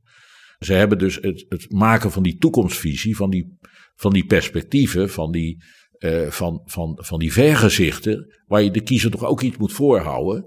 Die hebben ze, dat hebben ze eigenlijk bij het wetenschappelijk bureau geparkeerd. Die hebben daar hartstikke goede projecten van gemaakt, mooie rapporten. Uh, en die gingen dan de la in, want, want vonden ze toch een beetje onhandig en zo. En, er, en, er kwamen heel veel, uh, niet alleen bij de Partij van de Arbeid, maar we hebben het nu over die partij, van dat soort prachtige stukken met een roos op de omslag en een rode ja. kaft. En wat dan niet? Dus, ja. dus daar lag het niet aan. Nee, nee, de Partij van de Arbeid heeft een paar jaar geleden dat project Van Waarde gehad. Schitterend project, prachtige uitkomsten. Partijleiding heeft er dus gewoon niks mee gedaan. Ik refereer aan de, aan de, aan, aan, aan, aan de onderwijsraad van een jaar geleden. Uh, dat wordt over die driejarige geïntegreerde brugklas. Ik verwachtte dat de Partij van de Arbeid zou zeggen: jongens, kom op, daar gaan wij ons hard voor maken. Ik hoor die fractie daar niet over. U zegt dus eigenlijk in feite, uh, want u refereerde nu aan het leiderschap van Lodewijk Asscher.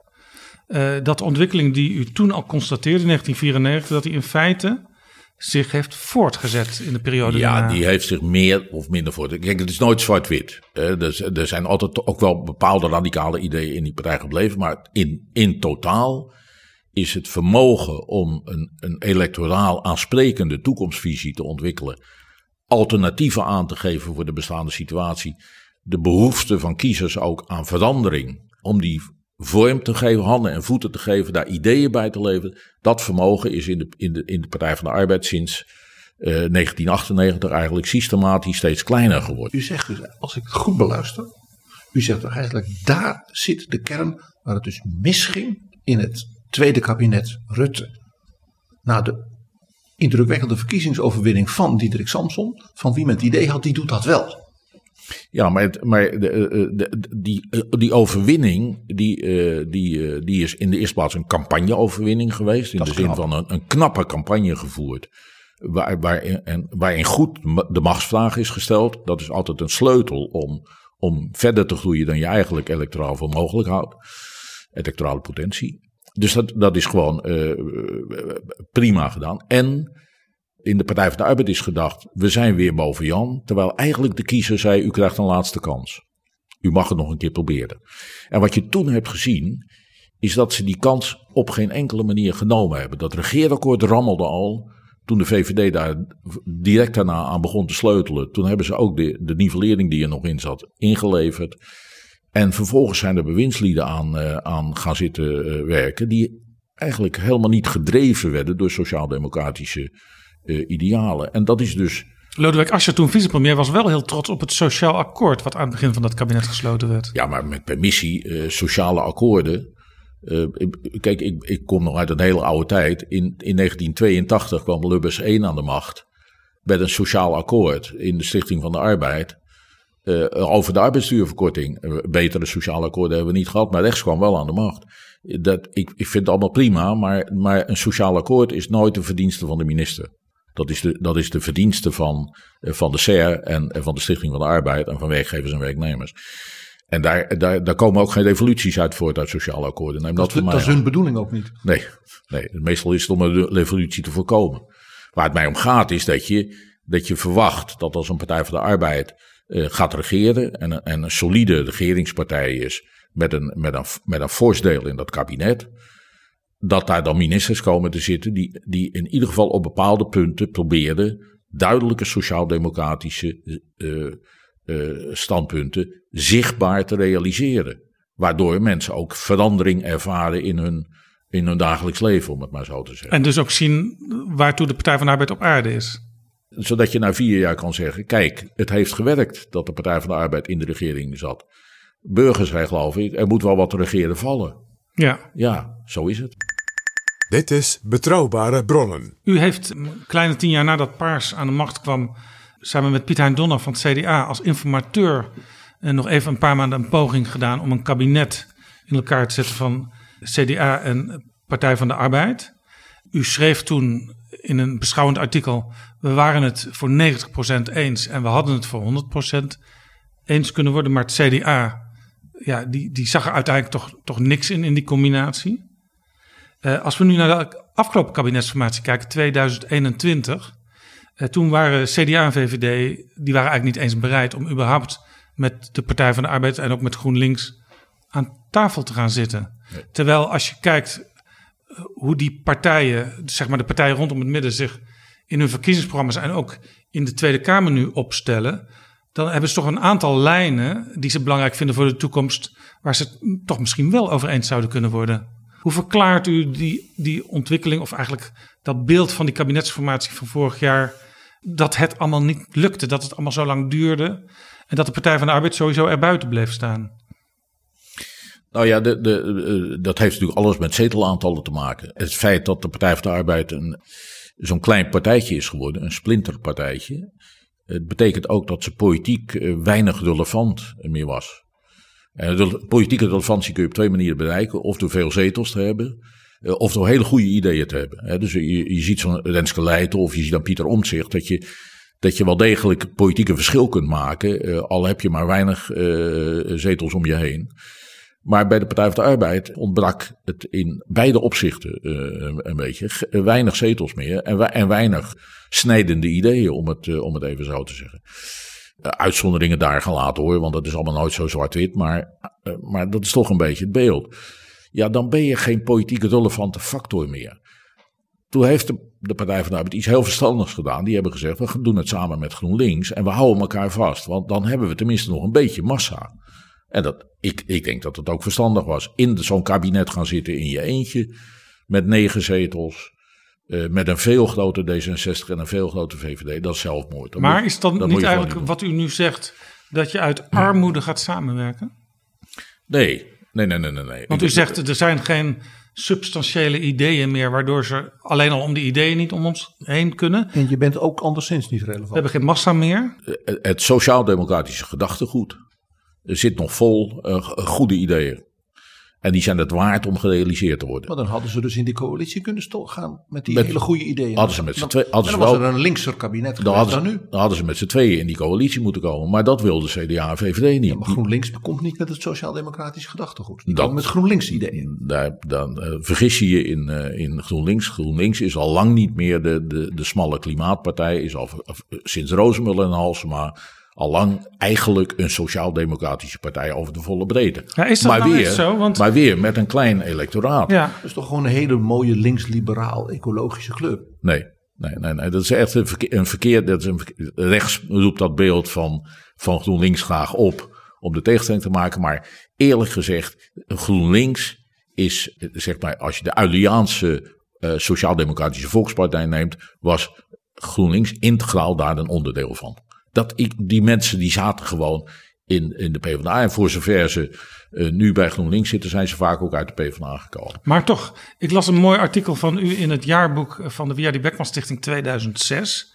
Daarin schrijft u, en volgens mij ook een beetje met, met spijt, uh, de oude sociaaldemocraten waren in cultureel opzicht conservatief. Maar als je nou ergens GroenLinks niet van kunt beschuldigen, is dat ze in cultureel opzicht conservatief zijn. Dat conservatisme, dat zit er meer waar we het net over hadden. Hè? Dat je een zekere beschaving ook bijvoorbeeld in het onderwijs wilt realiseren. Uh, en, en, en niet te makkelijk je de, de verplatting en de vercommercialisering accepteert. Nou, dat is een beeld wat je misschien in die vorm niet onmiddellijk bij GroenLinks terugvindt. Maar, maar ook niet het tegendeel. Ik vind GroenLinks ook niet de partij van de vercommercialisering, de verplatting en het op jurken gaan zitten. Dus er zijn ongetwijfeld accentverschillen tussen de Partij van de Arbeid en GroenLinks. Maar je kunt GroenLinks niet wegzetten als een partij van, van hoogopgeleide intellectuele klimaatwappies. want dat, dat, dat is het al lang niet meer. Ze zijn dus niet de Groenen zoals in Duitsland. Nou, zelfs voor de Groenen geldt, uh, maar want die hebben ook een ontwikkeling doorgemaakt. Baden-Württemberg, waar ze al jarenlang aan de macht zijn. En, en, en dat zijn in veel opzichten is dat, is dat is dat in ieder geval een volkspartijachtige constructie worden. Alleen, als je dan maar negen zeteltjes hebt, of acht zeteltjes, ja, dan maak je natuurlijk het verschil niet. En alle analyses laten zien dat als je die twee bij elkaar brengt en die kleine verschillen die er nog zijn, nou even over het hoofd ziet, ja, dat je dan meer massa maakt die zich ook kan uitbreiden. Dat één en één dan wel degelijk drie kan worden in plaats van twee te blijven. Ja, dus eigenlijk zegt u dit zou, uh, de Partij van de Arbeid en ook GroenLinks zouden dit uh, van de wordingsgeschiedenis van het CDA kunnen leren. Uh, er waren drie partijen. met een, enkele van die partijen ging het electoraal minder. Zeker met, met de grootste, de Katholieke Volkspartij. Met alle drie, met alle drie. En die zijn samengegaan en die hebben heel lang een dominante positie gespeeld in het politieke landschap. Ja, dat heb ik deze week mijn partijvoorzitter ook voorgehouden. Ik heb gezegd, luister eens. Eerste is politieke eenheid maken. En politieke massa maken. Voor je ideeën. Ik ben overigens van mening, maar dat even terzijde. Dat het binnenhalen van GroenLinks en daarmee veel meer jongeren ook. Want die partij is echt jonger dan de Partij van de Arbeid. Levendiger, meer discussie. Dat dat ook het ideeën, het gedachtegoed en het politieke denken in de Partij van de Arbeid zal stimuleren. Dus daar zit gewoon winst. Dat is geen armoede, dat is echt winst. Maar eh, maak nou eerst die politieke eenheid in de Eerste Kamer en dan vervolgens ook in de Tweede Kamer. Zodat je in Den Haag politieke eenheid bent. En die partijorganisatie, de ledenorganisatie, laat die daar achteraan komen. Het CDA heeft de oude ledenorganisaties gehandhaafd.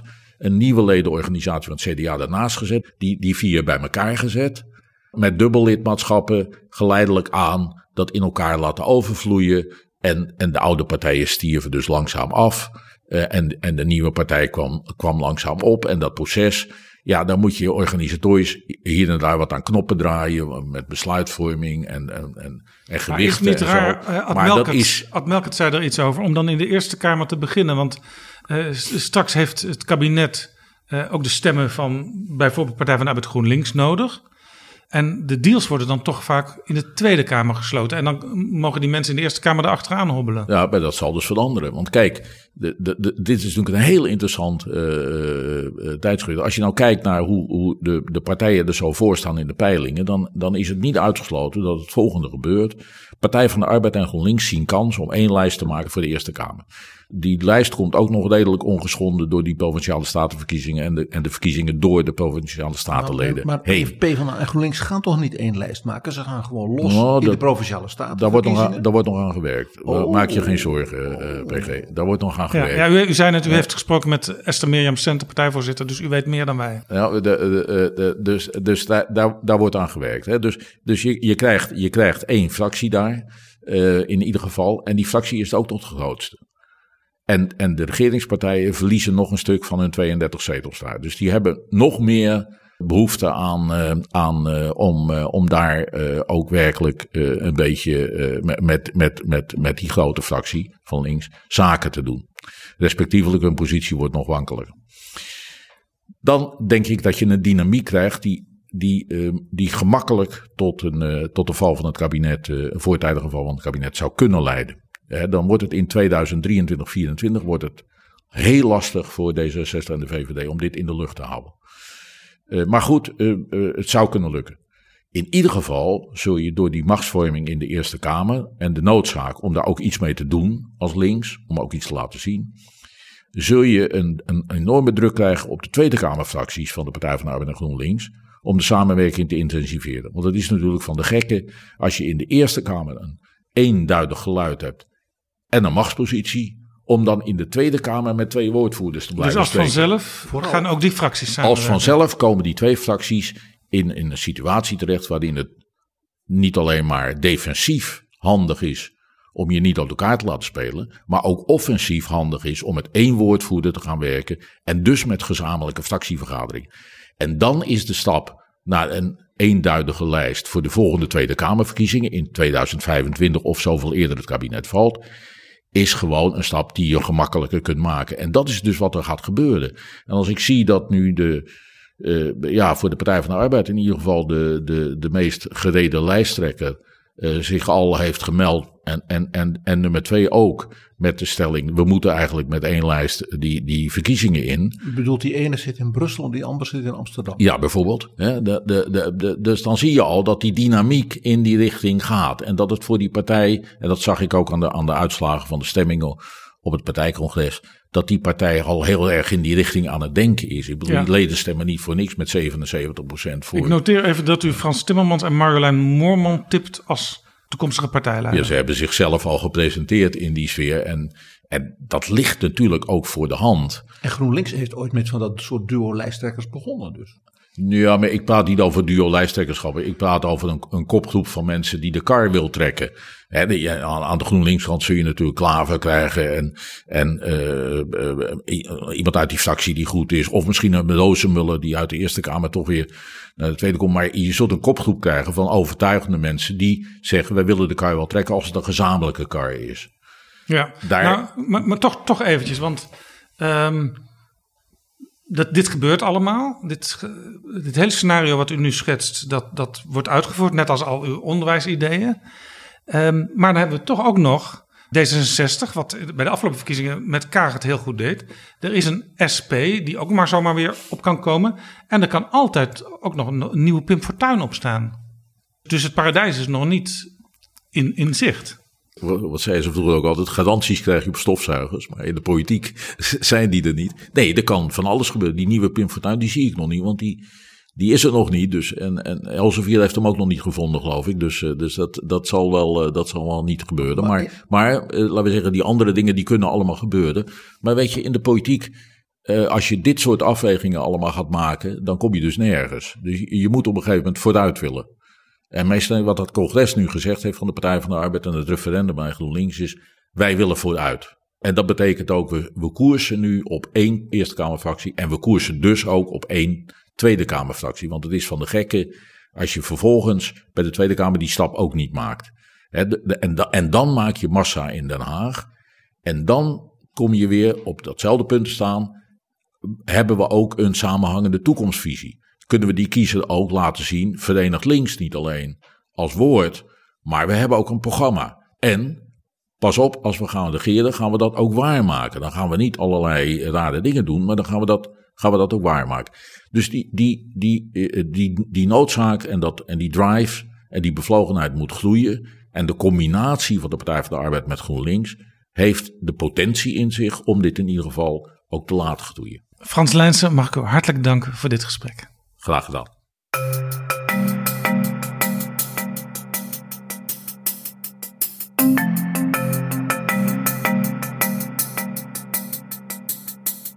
Zo, dit was Betrouwbare Bronnen, aflevering 278. Deze aflevering is mede mogelijk gemaakt door de vrienden van de show.